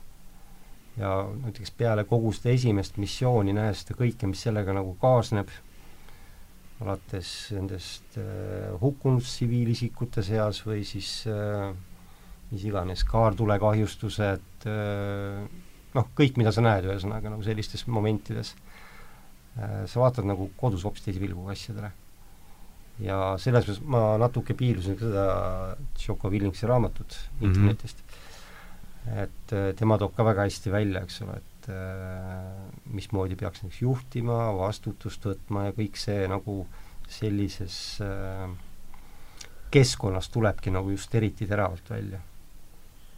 aga ma arvan, et Leo oskab nüüd kindlasti palju rohkem oma kogemustest rääkida. jah, just seesama ko kogemus, et selle, ole hea, võta sealtsamast sellesama jänki mälestus, mis mulle jäi väga ere-, just seesama, et kas on või, et noh, et kui see nüüd juhtub, see, mida noh, kui sa juba sinna lähed, eks ma kujutan ette, et siis sul mingi, noh, siis saad aru, et see et see kujutlus juba töötab, et mis, kuhu sa võid sattuda, kui sa reaalselt oledki seal, et mis siis, et kuidas ilmselt kuidas säilitada terve mõistus selles olukorras? inimeste reaktsioonid on ilmselt äh, väga erinevad, aga aga põhimõtteliselt äh, üks asi on kindel, mis alati aitab, on usk Jumalasse. see, see ongi nii tegelikult, et et, et, et siis sa ei karda nagu, et et tegelikult ega, ega nagu äh, meelekindlus tegelikult ei ole mis, miski muu kui kontrollitud hirm. et lihtsalt mm -hmm. kõik inimesed kardavad, aga mõned suudavad seda hirmu kontrollida ja teistel on, äh, on mhm. sellega probleeme, see ongi ainuke nagu, nagu vahe. ja me kunagi tegelikult rahuajal ei tea ette, kui me vaatame, meil on rivis kümme või kolmkümmend või sada sõdurit, me tegelikult ei tea seda ette et kes äh, talub seda nagu kergelt ja kes äh, ei talu seda üldse. noh, sama on näiteks, näiteks kaartulelöögid, et et, et, et, et mõned inimesed lihtsalt äh, noh, nii, nii kui ma siin, paljusid asju, mis ma siin raamatus kirjeldan, ega ma muidu kui mul ei oleks endal mõningaid kogemusi, mul oleks tegelikult üsna võimatu neid situatsioone ka modelleerida või, või kirjeldada, et mida inimesed võiks oletuslikult üldse nendes nagu äh, nagu olukordades tunda, et et noh, tegelikult äh, mul tuleb üks situatsioon meelde Iraagist, kus me sõitsime koos brigaadiülema autoga, noh, ma käisin tihti brigaadiülemaga kaasas, põhimõtteliselt äh, väljas, kui brigaadiülem tegi kontrollkäike, sest noh, mul ei olnud staabis otseselt nii palju nagu brigaadiülem, noh staabis oli kõigil olid väga täpsed rollid, ameeriklastel on väga täpsed rollid paigas, et kui sa oled nagu noh, mingi staabiülem või või siis S3 ülem, sa sealt väga kuskile minna ei saa, nagu brigaadiülem käib kogu aeg, aga noh, mina selles mõttes äh, olin loomulikult välismaalane ja mulle nagu keegi nii täpselt nagu ülesandeid ei saanud nagu, nagu määratleda, seal on brigaadiülem, siis me käisime väga palju nagu ise kontrollkäik, käikudel, siis olimegi praktiliselt kolme, kolmekesi brigaadiülem, mina ja autojuht. ja ükskord me sõidame, siis ja vaatame, sõidame ja näeme, traat tuleb nagu, tuleb kenasti, kenasti nagu sinna see on üks selline truup, tuleb kenasti, vaatad, et siin on traat, et tõenäoliselt siin nagu midagi on ja siis noh, jääme seisma, vaatame siis, pärast brigaadi ülem alati nagu noh, paar korda nagu tõ-, tõsiselt nagu imestas selle üle, siis ma läksin vaatama, ütlesin brigaadile, et okei okay,, ma lähen vaatan, mis traat see on, et et kui sina saad pihta, on palju suurem kahju kui mina ja autojuht ei saa ka kuskile minna, sest sa pead siit minema saama. Ma vaatan, kas seal on midagi. Lähen rahulikult sinna see osutuski mingiks lihtsalt mingiks tühipaljaks nagu traadiks, seal ei olnud midagi. vaatasin selle üle, noh, muidugi ettevaatlikult, läksin sinna, ahah, ei ole midagi, tulin, tulin tagasi, siis nagu noh, brigaadil ma ütlesin, et sa teed seda nagu täiesti külmalt, et et, et, et kas sa ei karda, et, et, et järsku seal olekski. ma mõtlesin, et noh, et kui see seal oleks noh, olnud mingi lõhkekeha, et et siis seal oleks olnud. Aga ma teadsin lihtsalt, et seal ei ole seda nagu mm. -hmm. ja seda ma ei saa nagu seletada, kuidas ma teadsin. aga meist kolmest pidi niikuinii mina olema loogiliselt see, kes selle nagu üle vaatab, sest sest selline lihtsalt olukord. ja siis, ta nagu oli natukese nagu imestunud. küsis, et kas te olete seal umbes kõik sellised hullud, nagu ma ütlesin, et et siin ei ole nagu noh, mitte mingit tegevust, tegemist ei ratsionaalsuse, ei hulluse ega millegagi, et see, see lihtsalt noh, et meie võib-olla, eestlased on nii palju harjunud sõdima igal pool, kogu aeg meie isad sõdisid, vanaisad sõdisid, et noh, et lihtsalt, et me võtame, et mingi asi tuleb lihtsalt teha, et me nagu noh, ei, ei pööra sellele, ei tee sellest, kui sa ei tee sellest mingit numbrit, siis seal ei ole mingit numbrit. et kui mm. sa teed sellest nagu, nagu suure numbri, siis see ongi suur number. et ma, ma ei oska öelda, kas see konkreetne situatsioon natukese võib-olla seletab üldse, nagu see on meeldejääv igatahes. nagu, nagu selliseid ja nagu mina saan jah, ühesõnaga äh, traditsioonis armees oleks äh, härra Leo Kunnas sõjaväelasele istunud autos koos autojuhiga ja oodanud kindralit otsust, et kes nüüd läheb traati tõstma. aga siin ongi see, et sa võtad ise juhtimise ju tegelikult üle. no otsuse tegid siis? otsuse tegi ise mm. -hmm. ja võttis ka selle vastutuse, eks ole. Sest sellega võib ju kaasneda ka plahvatus. ja siis on kõik? jah. No.. selles mõttes, et ega siis ei pääse ka või kuidas see no, auto tõmbab ju tagapoole, jaa, no kehaga tuleb ta, jah. No, et seal ei ole ka, no ei ole mõtet demi-, demineerimismeeskonda jääda sinna ootama, ma ei tea, kui kaua ja mit-, mit-, mitte sealt kuskile liikuda, no see on ka lahendus, aga meil lihtsalt noh, ei ole seal põllul aega kõike seda nagu niiviisi teha ja kui, kui on ka selgelt näha, et seal, sul on ikkagi nii palju silma juba, nii palju, kui sa oled vaadanud seal ümberringi, et, et tõenäoliselt see ei ole, et mingi väike protsent, et võib olla mingi väga osav asi, et tegelikult see ei paista nagu mm, -hmm. nagu mhm. selline, siis sa teed nagu selle, sa ei tee ka, ka ju mingit liiga hullujuurt otsust mm. -hmm. tõenäoliselt noh, see on nii ja see osutus, et nii on. aga äh, ikkagi see kaar tuli, käis siit mitu korda läbi ja, ja tänadases jutus on käinud, et sellise eriti äh, et noh, jällegi võhikuna mulle, et noh, tundub nagu ühtviisi hirmus, et kas su pista lastakse automaadist või püstolist või noh, kui kaugelt püstolist no. siis tõenäoliselt võib-olla nii, aga et mis on kaartules just sellise no, no tegelikult ega meil tänapäeval kõik noh, meie, meie sõdurid, kes on olnud väljas, ikkagi vastane on olnud nagu nõrgem või väiksem, et meil ei ole selliseid olukordasid olnud võib-olla nagu ukrainlastel, kus on ikkagi massilised tulelöögid nagu mõlemalt poolt või siis esimeses maailmas, kes neid tunde teises maailmasõjas nagu äh, nagu minuteid ja mõnikord ka tunde, et, et sellist nagu massiivset nagu, nagu tampimist loomulikult me ei ole ise nagu keegi kohandanud, võib-olla kõige suuremat kaartulelööki üldse ma olen näinud Soomes sõjakoolis nagu õppuste ajal, kus meil olid sellised põhimõtteliselt kompanii, kompanii rünnakul nagu lahinglaskmised, kus noh, teatud perioodil soomlastel oli seda vana moona lihtsalt nii palju, noh, teise maailmasõja aegselt juba, et seda lasti nagu äh, nagu minema põhimõtteliselt nagu sadades ja tuhandetes, et reaalselt lahingumoona? mürske, suurtükimürske. et, et, et neid nagu kulutati, et, et et see on kõige suuremat nagu kaardutulelööki ma olen üldse näinud, näinud elus, elus põhimõtteliselt sõjakoolis õppimise ajal, mitte nagu meie, meie vastastel ei ole, noh, ei ole selliseid võimalusi, et siin on noh, ka Iraagis, Afganistanis pigem, pigem üksikud miinipildujamiinid mm -hmm või siis raketid nagu sellised, mis on, mis on lastud lihtsalt kuskilt põlve otsast.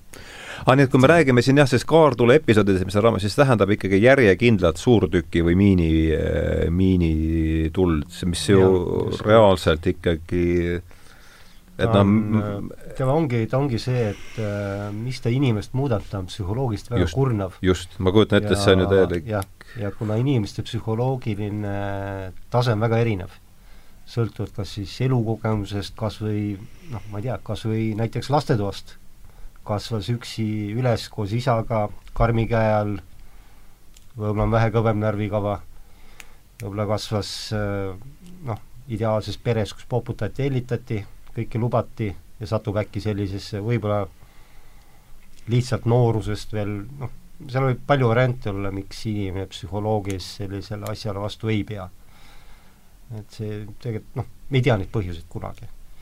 me ei tea neid enne, kui me seal oleme me ei tea enne, kui me oleme jah, aga ta on psühholoogiliselt kindlasti väga kurnav. just, just, just, just. et ise olles kaartule all olnud lühikest aega, ka sellest piisas, piisas tegelikult sellest kümnest-viieteist minutist, sa nägid, kus inimesed muutusid. et äh, noh, nagu ütles, kus sul on sada võitlejat, tegelikult sa ei tea, palju neist on võitlusvõimelised peale kaartuld näiteks, mis kestab neist kaheksa tundi võib-olla on ainult kolmandik võitlusvõimelised. jah, no siia, et, et, et sellele tegelikult küsimusele adekvaatselt vastata, me peaks mõne ukrainlase siia kutsuma. et neil on seal selles mõttes selline pidev närvesev tulelöökide duell, et, et kuidas, kuidas nagu no kui me ütleme, ma võin panna selle enda jaoks tõlkida ümber kaartule all olev, see tähendab ikkagi järjepideva suurtüki tule all äh, olemist, et äh, siis on enam-vähem, et ega see ja sest ilmselt ongi kõik prõmmu, kõik lendab ümber, tohutu ja. lärm. jah, psühholoogist ongi kurnav ilmselt see pidev lärm äh,, ka see, et sa ju tegelikult ei näe vastast. no just. mis kurnab väga, eks ole. kui sa tead, ta on vot seal, saja meetri kauguses on äh, psühholoogist tunduvalt kergem käitub mingi jahimehe võib-olla instinkt no,, eks ole. pluss see, et äh, noh, välja minna on suht problemaatiline, kuskile midagi tooma, midagi tegema, su tavaline rutiin on häiritud äh, noh, kõik, mis armee kaasas käib, eks armees on ju väga palju rutiini tegelikult, inimesed äh, mis hoiab sedasama mõistust. Äh, koos, ja kui see rutiin sult ära võetakse, siis võib-olla tekibki see, et tavalisest reamehest saab juht ja juhist saab reamees. ja noh, see juht ei suuda enam näiteks otsuseid langetada. et, et neid aga jah, kuni me ei ole situatsioonis, me ei tea kahjuks. ja sul oli siis see kaartulu, kaartule episood oli siis seal Balkanil Est-, Esplaga, jah? kohe esimesel missioonil? Äh, jah. no kuna me olime lihtsalt kahe vannupoole vahel, siis äh, arvati heaks meid ka kostitada aeg-ajalt. küll staabikompanii sai miinipildu ja lööke, me saime suurtükkidest, nii et noh sai kõik läbi kogetud ja, ja tagantjärgi jah, selles mõttes nagu psühholoogist on äh, noh, halb on nüüd öelda huvitav, aga noh, jälgin nagu inimeste muutumist, et kuidas inimesed võivad käituda tegelikult hoopis teises situatsioonis. nii et ma arvan äh,, see kaks stsenaarium, mis siin raamatus on toodud, jah, üks variant, et lähebki kakssada tuhat võitlusvõimelist meest minema teine variant, et läheb võib-olla kakskümmend tuhat. ei tea, mis see toob, kui situatsioon käes on. ja palju mul teeb järgi neid juhte, seda me ka ei tea. me oleme nad koolitanud juhtideks, aga kas nad on võimelised juhtima situatsioonis, kriisisituatsioonis, kas nad võimelised võtma seda vastutust, langetada mingeid otsuseid, sest seal tuleb langetada ilmselt väga raskeid otsuseid. inimlikkuse ja, ja, ja võimetada ka kinni. aga ütleme, kui ikka käib, ütleme suure, no võtame siin teise maailmasõja, see massi noh, sellised suured lahingud, seal on nagu suurtükid tuli, siis on lennukid ka veel otsa või? ikka. ja see, kui see ettevalmistav suure rinde läbimurd, see kestab siis noh, mis ta kestab, kaheksa tundi käis siin no, kaheksa oli võib-olla esimese maailmasõja aegsed pikemad, aga teises maailmasõjalt tulelöögid tavaliselt pool tundi kuni tund, et lihtsalt kanti üle, et see, mis näiteks äh, eestlased, kes mõlemal poolel on, on, on võidelnud, näiteks äh, näiteks Narva all või siin, kes on kirjeldanud seda, noh, ma olen ikka mõnd kirjeldust oma kõrvaga jõudnud kuulata veel nooremas eas, et et see on ikka nagu, nagu päris karm. Ja muidugi no eks need vanad, vanad selles mõttes trikid, mida võitlejad siis kasutasid, siis sinises stsenaariumis kasutan ju sama, et et mida meie võitlejad tegid põhimõtteliselt äh, ka Narva rindel, et tõmbasid lihtsalt, olid juba õppinud nii palju, et tõmbasid kui tulelöök oli nagu tunnetatav, tõmbasid tagasi lihtsalt näiteks mõned sajad meetrid, pool kilomeetrit lihtsalt eest ära ja pärast täitsid. jah, seda, seda ma lugesin. või, või siis, või siis ka noh, nagu, nagu tuhat üheksasada nelikümmend neli filmis, et et täpselt, et istud oma punkris, nii kaua kui, kui löök läheb üles, siis ronid välja, hakkad laskma, noh, nii kui sul punker on, siis sa sinna lähed, kui punkrit sul pole veel, siis pead minema tagasi, et et sa ei saa sinna nagu jääda. kui sa sinna alla jääd, siis, siis sa ei ela seda üle lihtsalt mm. -hmm. aga lennuki, siis tuleb lennuvägi otsa veel või? kuidas see tavaliselt seal käib? no lennuvägi jah, juba teise, teises maailmas nüüd ka, et lennukipommid on üsna suured, et et põhimõtteliselt ikkagi kui kui noh, kui neli, neli filmis me kujutame, et, et noh, ik-, ikkagi see tabamus peab olema nagu üsna täpne, tulema sinna praktiliselt punkri, noh mitte noh, laele või suhteliselt kõrvale, et siis see, siis see nagu hävitab hoobilt, et muidu, muidu ikkagi noh, juba mingi kolmkümmend või viiskümmend meetrit, noh, tollal ei, ei olnud mingit täppisrelvi, kui see läks mööda, siis nagu noh, mehed elasid selle üle. et, et, et praegu on ka, on ka põhimõtteliselt noh, Iraagis näiteks ma siin kirjeldanud, kirjeldanud Viivus pikas sõjas, kui, kui mis asi? Viiv pikas sõjas selles raamatus, kuidas näiteks viiesaja kilone pomm, et kuidas, kuidas see tulelöök põhimõtteliselt antakse, et siin olid mõned väikesisside grupp, et et põhimõtteliselt brigaadiülem tegi otsuse, et et nendega hakata võitlema, et antakse põhimõtteliselt, visatakse, antakse siis õhuväelöök ja siis telliti põhimõtteliselt lennuki emalaevalt tõusis F kaheksateist õhku ja viskas siis selle kahesaja viiekümne kilose pommi sinna nagu praktiliselt selle väikse sisside grupi siis nii-öelda nagu, nagu pihta ja, ja ikkagi mingi võitleja elas selle üle nagu. et, et, et, et noh, ja, ja kõik see toimus nagu ekraanil, sa võisid nagu reaalajas vaadata seal staabis, et et kuidas kogu see tule tellimine käib, et kuidas siis tehakse seal nagu kontroll, et et kas nagu tsiviilisikuid on lähedal, siis veel küsitakse seal selle juriidilise nõuandja käest, et kas me saame nagu reeglite järgi seda praegu mhm. teha, et kui kaugel see kõik nagu, nagu tsiviilasustusest on, et noh, hästi, et saame teha, siis tuleb see ja siis lennuk tuleb ja viskab, siis pärast vaadatakse, et mis järgi jäi, ikka mees roomab edasi veel, et et kõik ei ole hävitatud.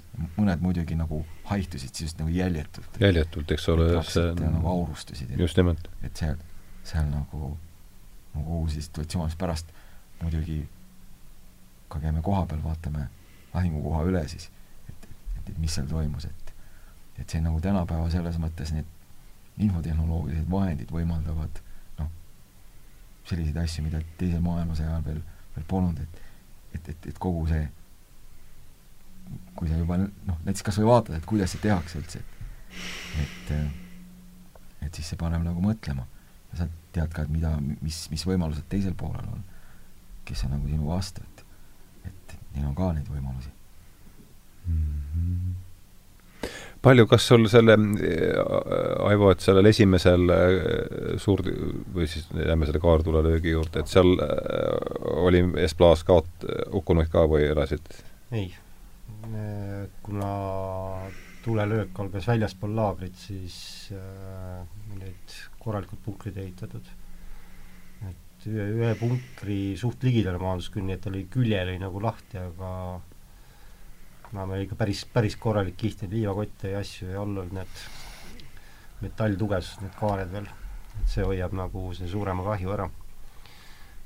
et äh, ütleme seal staabi, staabikompaniis, kes sattus miilipilde tule alla, see oli küll, aga seal ei olnud eestlased mm. -hmm. Nendel oli küll hukkunud ja vigastatud see tähendab, tulelöök algas väljapool laagrit, nad ei saanud siis esimese matsuga pihta või? no seda, ilmselt seda, jah, et see, kuna meie ümbrus nagu ei olnud ütleme, neid vägesid ei kummagi poole omasid, siis äh, jääb nagu see ka ära, et ütleme nüüd sisse lasti nii-öelda malelauda lihtsalt, et noh, on selline terminoloogia, et lastakse relvad nagu sisse malelauda, pannakse sihikud paika, et kui Aha. vastane peaks peale tulema, siis on nagu punktid maas nii-öelda mm. -hmm, mm -hmm et, et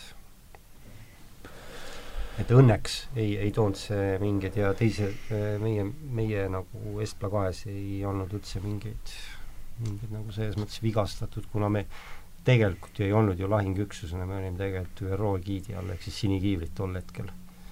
et teine missioon oli juba KFOR, eks ole, oli juba siis Kosovos oli siis ütleme lahing, lahingüksus. Pigem siiski luureüksus. otseselt lahingutes või sellist asja ei, ei pidanud mm.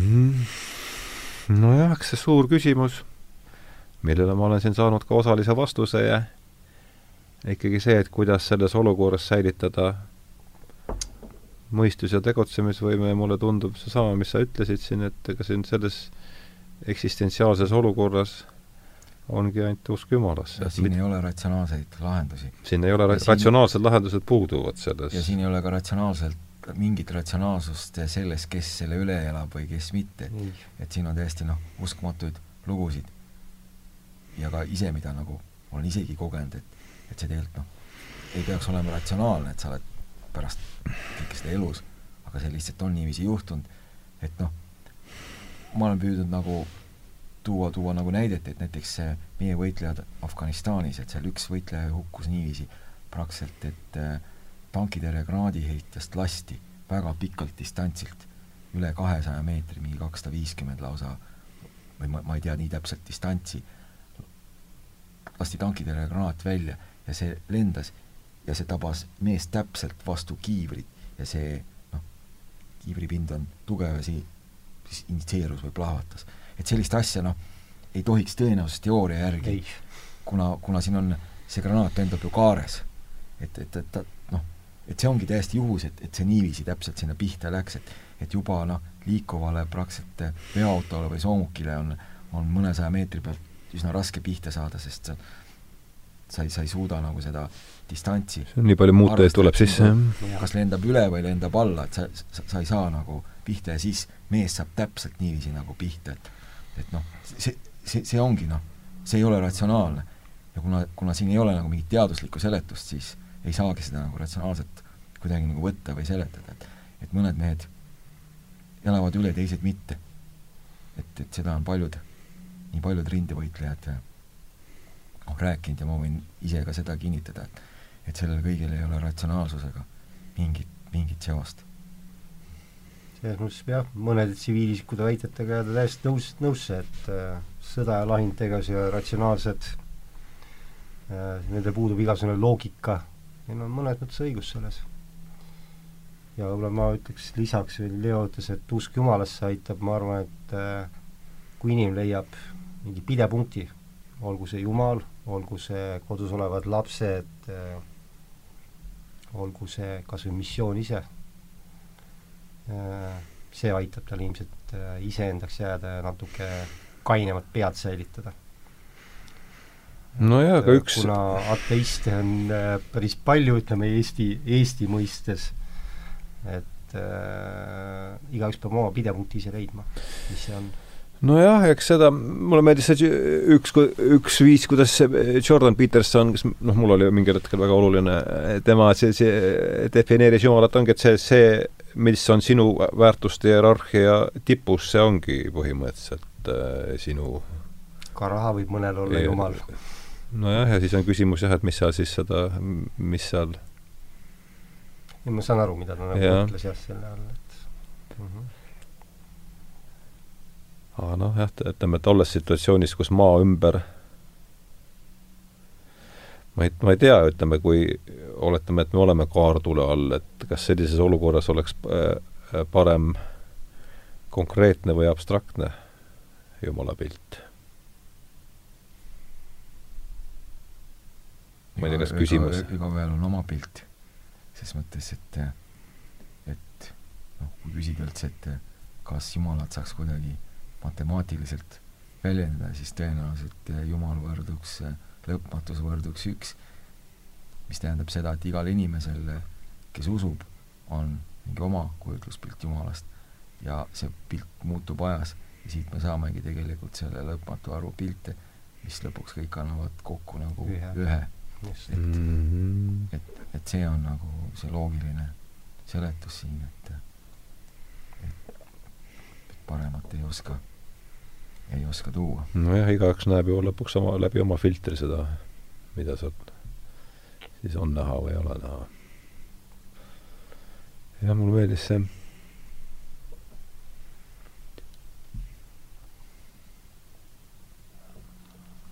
Joseph Campbelli hiljuti kuuldud äh, tsitaat, et see oli, alguses oli inglise keeles, pärast üritan ta eesti keeles, use, useful deity should be transparent, transparent to the transcendent. ehk siis, et ma ei tea, kuidas see kasulik jumalus peaks transcendentsi läbi laskma, mitte et kui ta seda hakkab varjutama, siis ta, see mõte mulle meeldis, et kui ta hakkab seda varjutama, siis on tegemist iidoli või, iidoli või, või ebajumala kujuga, noh, tundus mulle niimoodi. et see, see kuidagi teie juttu siin kuulates torkas pähe. jah, võtab kohe ma ei kujuta ette, kaheksa tundi maa ümber mö-, möirgab, noh. see oli ju esimestes maa, esimeses maailmasõjas oli, oli veel pikemaid aegu. pikemaidki oli, jah. et siis nad tampisid praktiliselt päevade kaupa, et siin noh, need sidarinde Korlitše läbimurre, et seal oli mingi uskumatu nagu pikk tulelöök, kui Saksa-Austria väed tegid nagu läbi see on nüüd esimeses maailmasõjas? esimene maailmasõda tuhat üheksasada viisteist, et et lihtsalt noh siis pandi suurtükkidest, eks ma kujutan ette. järjest, järjest kogu aeg, et et noh, nagu raske ette kujutada tänapäeval. ja noh, okei okay,, teine maailmasõda, aga keegi ju ei arvanud, et see võib, et asi võiks, tuhat üheksasada kaksteist, kes oleks arvanud seda Euroopas, et niisugune, mis seal Marni lahingus läks? see alguses, seal läks mul, mul on meeles, paranda, kas, kas võis olla, et suurusjärk oli, et seal läks seitsesada tuhat meest või? mõlemalt poolt kokku? no võib-olla nii palju mitte, et, et noh, seal neliteist nagu läänerindel, et seda, mida nad nimetasid mingiks piirilahinguks põhimõtteliselt enne, kui kui üldse ma ei tea, üld-, noh, mõlemad pooled, prantslased püüdsid peale tungida ja sakslased tungisidki, et et see läks juba nagu mõned sajad tuhanded, et et pigem need kõige suuremad suurte kaotustega lahingud ikkagi olid äh, Verdun ja Somme. Somm, ma ajasin sassi Sommi lahing muidugi ja Sommis võis minna, kas, kas Sommis võis kokku minna kahe peale mingi seitsesada tuhat meest või? Sommis võis minna üle miljoni.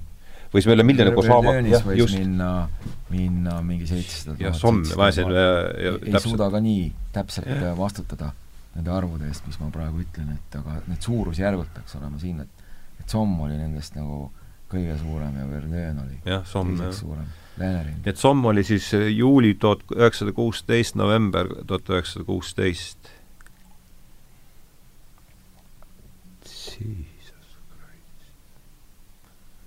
Inglased nelisada kakskümmend tuhhi, prantslased kakssada tuhhi ja sakslastel noh, võtame keskmise üle viiesaja tuhhi, nii et üle miljoni. noh, siis oli õige suurusjärk jah, ei, ei eksinud siin. sest sõdur oli põhiline võitlusvahend tol hetkel ju. ei ole ja see on meil nagu siis neli kuud. raketid, reaktiivsuurtükid, lennukid, lahingkopterid, merevägi nagu nojah, aga lõpuks pead sa selle kõike, selle raketi kõige inimesele pihta saama, ega see, selle et selles mõttes see oligi ainuke jõud, oligi elav jõud mida kasutati laialdaselt. selles mõttes konventsionaalne sõda on väga palju ka muutunud, nii nagu Leo enne ütles, et vot istudki joystick'i taga ja jälgid ja, ja liigutadki seda raketti. selles mõttes ka selles raamatus on nagu ütleme, selles helgemas pooles on siis nagu, kus võetakse sõna otseses mõttes kooli, koolipoisid pannakse põhimõtteliselt droone lennutama ja no, sinna ma ei ole jõudnud veel. lõhkeaineid äh, kohale transportima, näiteks vastaste lahingumasinate kohale ja nii edasi, nii edasi. Äh, see episood meelde, kus oli see kummitanki või see kummielevantide kas selliseid, äh, ega see ei ole sul ju ka õhust võetud, sellist asja tehakse, tehakse? on ammu tehtud, tehakse nüüd ka noh, kui meie hangime mingit relvastust, varustust, mida meil on küllaltki vähe, siis noh, teisel viisil ei saagi, et pealegi, kui on vaatusvahendid, öise nägemise seadmed, need on sellisel tasemel, et ei õnnestu varjata, siis ei saa muud teha, kui tuleb lahinguväli üle ujutada. siis nagu liba, libavahenditega mm.. et siis on nagu teist lahendust vaja. Et neid kontsept-, kõiki kontseptsioone ma siin muidugi kasutan, et mm. -hmm jah, ja noh, veel kord, et ega keegi noh, jah, siis Sommi lahing ja see oli juba seal lõpus, see ei olnud üllat-, noh, või see oli lihtsalt aga tuhat üheksasada kaksteist, kes oleks iial osanud arvata sellist asja, et tuhat üheksasada kolmteist, et viie aasta pärast on Euroopa, Euroopa keskes seljukesed, sihuke verepulm, et no, no sama on ju kolmekümnendatel, et et kes oleks seda võinud arvata kunagi. noh, siis oldi ikkagi juba kogemuse võrra rikkam. aga noh, põhimõtteliselt küll, jah. Somm oli all juba. aga noh,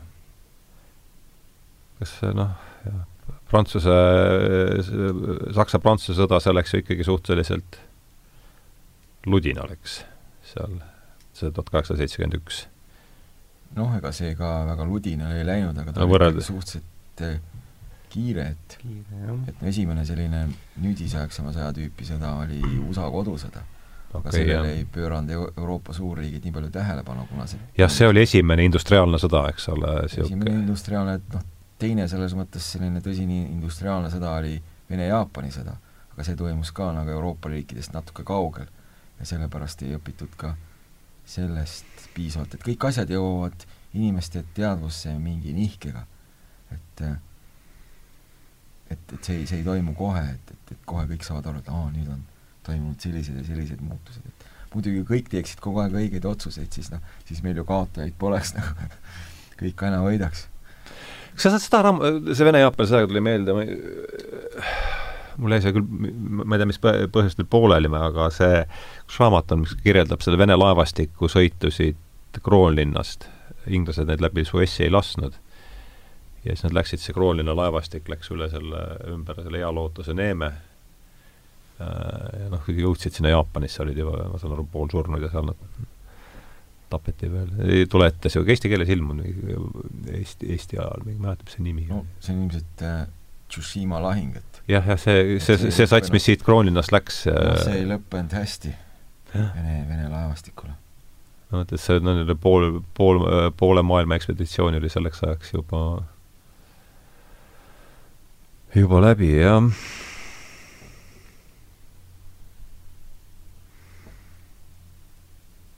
nojah, me hakkame jõudma saate sellisesse viimasesse veerandtundi.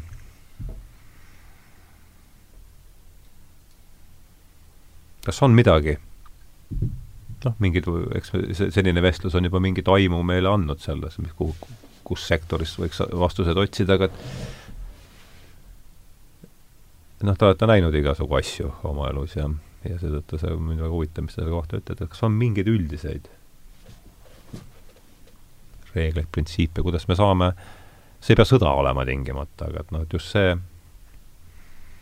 ikkagi see olukord, kus Camus ütleb hästi Sisyphuse müüdis seda, et noh, et juhtub olukord, kus meie nagu dekoratsioonid varisevad kokku, mis tähendab noh, seda, et see harjumuspärane maailm, nagu me teda oleme enda ümber näinud laguneb koost ja ja no mida teha selleks, et siis mitte laguneda koos nende enda ümber lagunevate dekoratsioonidega, et äh, kulutaks vahest viimased veerand tundi sellele teemale, et mis no. elu näinud inimestena andke nõu et, äh, saatejuhile ja kuulajatele.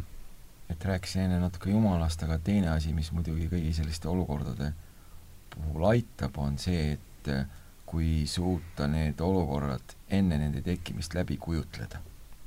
see mhm. aitab ka väga palju, sest siis ei taba see olukord ootamatuna. et tavaliselt eh, inimene satub segadusse siis, kui mingi olukord tuleb talle täiesti ootamatuna.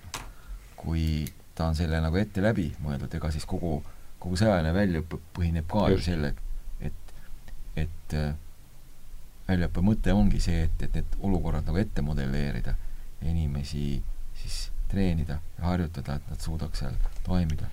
et, et ikkagi, mis aitab, et noh, ükskõik millises olukorras, et püüda rahulikult, kui on see võimalus, mõelda, et milline see olukord on ja mis ma peaks seal olukorras tegema. Et see võiks olla selline nüüd ratsionaalne soovitus, et kui, kui mõned asjad ei ole ratsionaalsed, siis teised võib-olla jälle on ja see on selline ratsionaalne, no see on igasuguse treeningu ettevalmistuse ju iva, eks ole, et olla ja siis selle ebaratsionaalse jaoks jääb see teine soovitus, mis oli siin juba läbi kõlas. jah, et need asjad tegelikult ka eksisteerivadki koos, et et noh, nagu peavadki koos olema, et nagu täiendavad teatud mõttes teineteist mm. -hmm. see ratsionaalne ja irratsionaalne pool. Aivo, mis sa lisad? mina võttes suuremas osas ära seesama, et mina olen ka eluaeg nagu käinud seda rada, ütleme ka nüüd tsiviilisikuna, ütleme juhina, et et vii inimesed kurssi sellega, mida sa võid, mida ta võib oodata. et mis, mis selles situatsioonis võib tulla.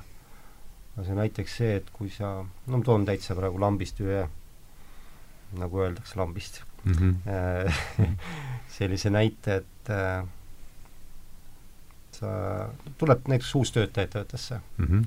sa ütled, näed, sinu laud on siin ja sa hakkad tegema seda. ja siis jalutatakse minema, see on nagu noh, tavaline reaalne elu, ütleme niimoodi. inimesele, kes tegelikult sel erialal ei olegi võib-olla tegutsenud. Äh, teine tüüp juhte võtab, ütleb, näed, sa hakkad siin töötama, sinu ülesanne on see ja seletab üldjoones vähemalt lahti mingid pidepunktid, ütleb, seletab ka lahti näiteks, et äh, juhul, kui läheb niimoodi, et võib juhtuda niimoodi, siis sa võiksid reageerida kas niimoodi või leiad ise veel parema variandi. et ühesõnaga, mängib nagu läbi mingit teatud situatsiooni ka sellele uuele inimesele ja sama kehtib ka ütleme nende situatsioonidega, et äh, harjutada, treenida, lugeda, mis iganes, mis iganes aitab sul nagu ette valmistada äh, selleks, et sattudes täiesti võõrasse situatsiooni tuleks sulle vähemalt mingisugune tuttav pidepunkt, et, et no just, jah, mingit pidepunkti ja, on selles olukorras. nagu see, kuhu toetada. et näed jah, ükskõik, mis sulle selle just. siis annab, kas see varasem treening või usk ja, või jah ja., et kui sa oled ilma pidepunktita, siis ilmselt on et, kõik äh, olgu selleks pidepunktiks siis see treening äh, lapsed, kuskilt midagi loetud, äh, kogemus, jumal, ma ei tea, usk oma missiooni, mis iganes selleks on. aga pidepunkt jah, pidepunkt, eks ole, see, ma arvan, et see on see ja see on ükskõik, mis see siis, mis see siis on. ei oskagi nagu midagi. ma arvan, et see ka siin jah, see, ma arvan, kui me selle vestlusele pärast pealkirja hakkame mõtlema, siis tõenäoliselt pidepunkt on üks, üks, mis sellesse pealkirja peaks, peaks saama. Paar asja, ma ei tea, mis te üldse sellest äh, no nii, võtame siis järgmise, oletame, et sa oled enda sees selle pidepunkti leidnud, oletame, kui on hästi läinud. aga näed enda ümber äh, tõusmas paanikat, mis siis teha? ja näed enda ümber kasvavat paanikat. kuidas siis käituda? et siin ongi see, et üks asi on see endas selle pidepunkti leidmine. oletame, et see on tehtud, et sa enda sees oled saanud äh, leida. võiks öelda, et mis ma, mis ma selle raamatu kohta ütlen, et et see, selle raamatu mõte ongi see, et et kujutleda need situatsioonid ette. Et inimesed, kes sellega kokku puutuvad, et see aitaks neil seda pidepunkti leida, sest noh, sellest on võib-olla vähe kasu, kui mul on mingi pidepunkt olemas või meil kolmekesi kõigil on oma pidepunkt, aga kolmesajal või kolmel tuhandel inimesel ei ole seda. et siis saab ju kaasa aidata sellele olukorrale siin punases stsenaariumis, noh, võib-olla tuleb see hästi välja sealt, kui sa hakkad seda lugema, et et, et, et kuidas võitlejad seal noh, loovad selle pidepunkti praktiliselt äh, nagu, nagu nullist, et nad lihtsalt kujutavad ette, et nüüd me paneme siia mingi pu-, pidepunkti, hakkame selle ümber nüüd nagu, nagu seda jõudu koguma. Iseenesest nad muidugi, nad saavad aru, et et lihtsalt et kas või üks halb juhus, noh, näiteks üks lennukipomm vales kohas oleks võinud selle kõigi, kõigele lõpu teha, mis tegelikkuses võib ka juhtuda, aga loomulikult noh, raamatul on oma loogika, et siin tegelased noh, elavad nii kaua, kuni autor laseb neil elada. ja nad elavad läbi selle, mis autor laseb neil läbi elada, sellepärast nemad nagu alati sellele loogikale noh, ei allu, kuna autor kujundab seda, seda loogikat. aga, aga noh, selle raamatu mõte ongi see, et üks sellest mõtetest, et, et luua need kujutluspildid ja aidata nende kujutluspiltide kaudu siis inimestel seda pidepunkti leida. no võib-olla keegi võib ka mõelda, et et et see raamat hirmutab, et minu eesmärk loomulikult ei ole hirmutamine, aga autor ei saa ses mõttes ise anda, kui, kui autor kirjutab midagi ja see on, see on nii-öelda trükituna paberil ja netis, siis autor ise ei saa, ta ei ole enam selle oma teksti peremees, selles mõttes, et iga lugeja annab sellele hinnangu oma prisma läbi ja nii palju, kui on erinevaid inimesi, võib olla ka neid erinevaid hinnanguid ja noh, mul on raske öelda, et et milliseid erinevaid mõjusid või efekte võib sellel olla erinevatele inimestele. et ähm, tõesti, seda on noh, väga raske hinnata. nojah, pidev punkt, noh, kui sa ütlesid siin enne hästi, et et meelekindlus on sisuliselt kontrollitud hirm, siis võiks öelda, et paanika on lihtsalt äh, vohav, mässlev hirm, eks ole, tõenäoliselt. noh, lisaks pidepunktile, et mina võib-olla ütleme, noh, üks asi oleks, kui sinul on omal pidepunkt nagu olemas äh, ja ega me seda ka enne ei tea, kui käes on asi, eks. Võib-olla leida nüüd need järgmised inimesed, kes samamoodi suudavad oma nii-öelda selle tasakaalu leida mm. -hmm. ja ütleme, kui noh, sinu puhul näiteks tegemist juhiga mingis kriisisituatsioonis, see ei pruugi sõda olla, see võib ei, ma räägingi just laiemalt just, jah. jah, ettevõttes sa leiad need pidepunktiga tasakaalus inimesed, jaga ka neile mingid ülesanded. Ja kui sa leiad, kui sul on palju inimesi, kellel ei ole mingit pidepunkti ega midagi, leia neile mõtestatud tegevus sest mõtestatud tegevus aitab äh, jaa, rutiin mm, -hmm. sest kui on kriisisituatsioon, siis äh, rutiin või mõtestatud ja selgitatud tegevus aitab selles segaduses või paanikas oleval inimesel nagu sellest kas üle saada, aga vähemalt äh, neutraliseerida natukene kas või seda hirmu või paanikat.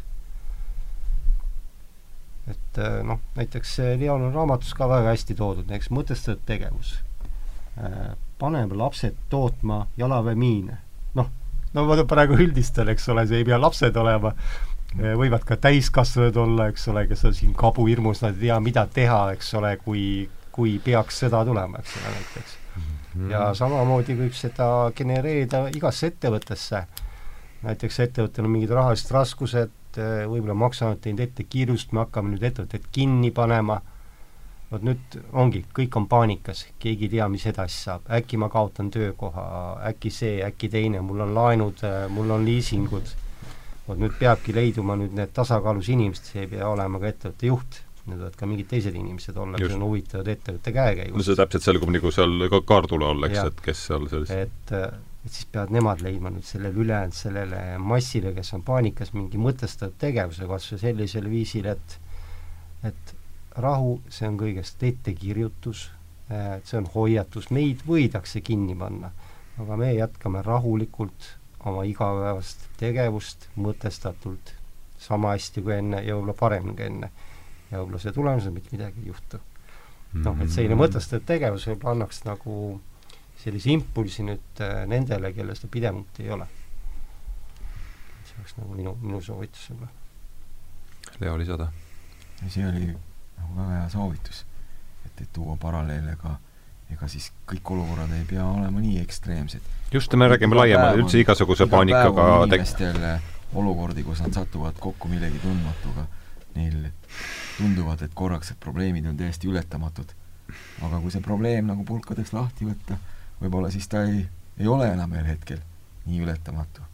ja noh, võib-olla ma mäletan, selline esimene võib-olla tõsine nagu meelekindluse kogemus mulle tegelikult oli üldse esimeses klassis, me võitlesime ikka lumesõdades nagu klass klassi vastu ja me võitlesime, meid oli vähe poisse ja valem, teine klass oli suurem meist väiksemas, väiksemas maa, maakoolis. ja siis noh, oligi see, et et kui on sellised kõvad lumepallid ja saad ikka kuskile silma või mujale, et siis noh, tuleb pisar silma, aga me nüüd jääme sinna nagu seisma ja me ei jookse kuskile laiali. Ja me võtame ise need, need lumepallid, lööme selle teistele nagu hoopis sinna nagu vastu nina, et et, et see ongi, et ega see tegelikult enam põhimõtteliselt sellest nagu ei, ei erine, et kui sa oled nagu selle korra nagu läbi teinud, et mis hoopis teises situatsioonis, et et sa suudad nagu sellele sinna nagu, nagu seisma jääda ja lihtsalt nagu, nagu tegutseda nagu meelekindlalt edasi, kuigi sulle tundub, et noh, ei, ei mingi väikse poisi jaoks on, on nagu selline nagu raske moment, siis, siis see nagu harjubki võib-olla sisse, et et, et, et võib-olla noh, sellised nii kaugele ajas tagasi minevad kogemused ongi võib-olla ka, mis noh, mis võib-olla juba lapsepõlves loovad inimesele nagu mingit põhja, et et mis ta siis nagu harjub erinevates situatsioonides tegema. et noh, kui sa jooksed siis, siis sa tõenäoliselt jäädki jooksma kogu elu nagu. Ja kui sa ei jookse siis, siis võib-olla jäädki äkki paigale ja proovid nagu midagi teha. et võib-olla, ma ei oska öelda, kas oli see hea võrdlus, aga ei, see on täiesti jälgitav. no ta, sedasama Peterson rääkis, kuidas neil on Kanadas on lastel keelatud lasteaias äh, maast lund võtta. ja põhjendus on see, et noh, nad võivad teha lumepalli ja ka kedagi teist visata ja me teame, kui ohtlik see on et noh, ma ei tea, et äh, minu hüpotees on see, et äh,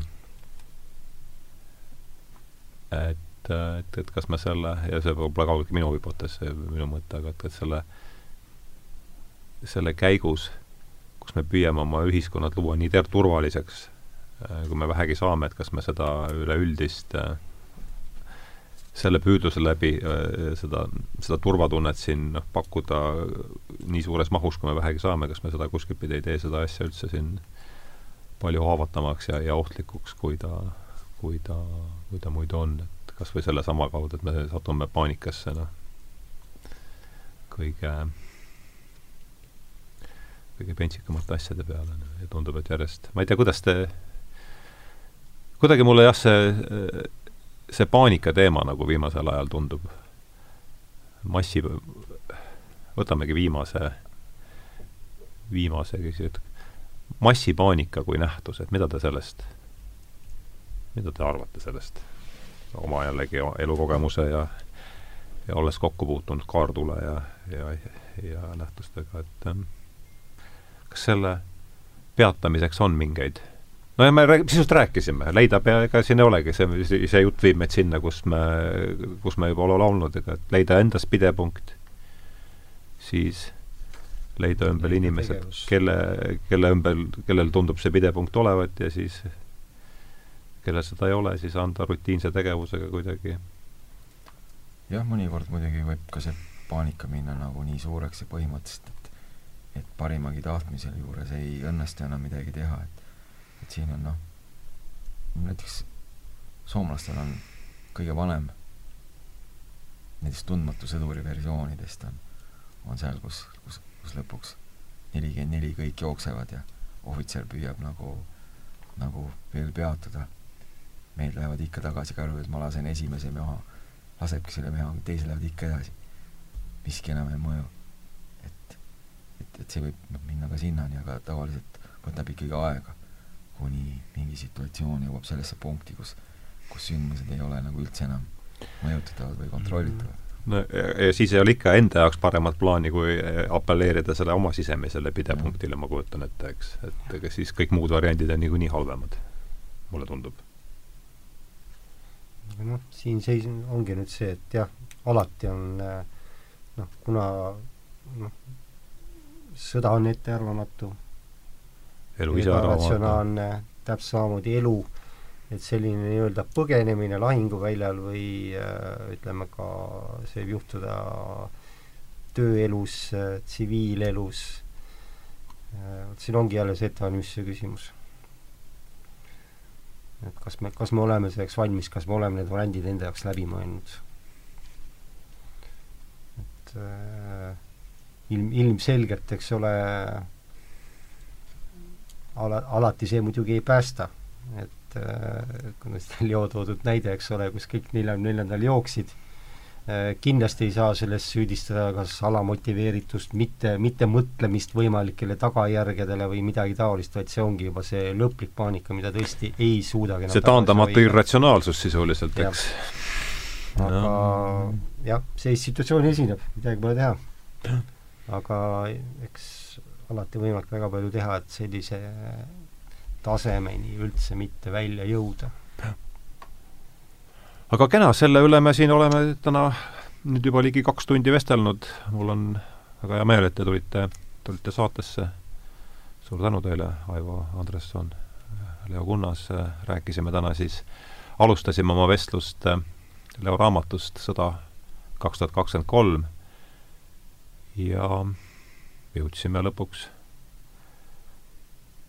selliste teemadeni nagu pidepunkt ja paanika ja ja, ja sellele kõige tähtsamale küsimusele, et mida me siis tegema peame ja, ja mida me loota tohime, et et suur tänu teile veel saatesse tulemast ja suur tänu kuulamast ja head õhtut!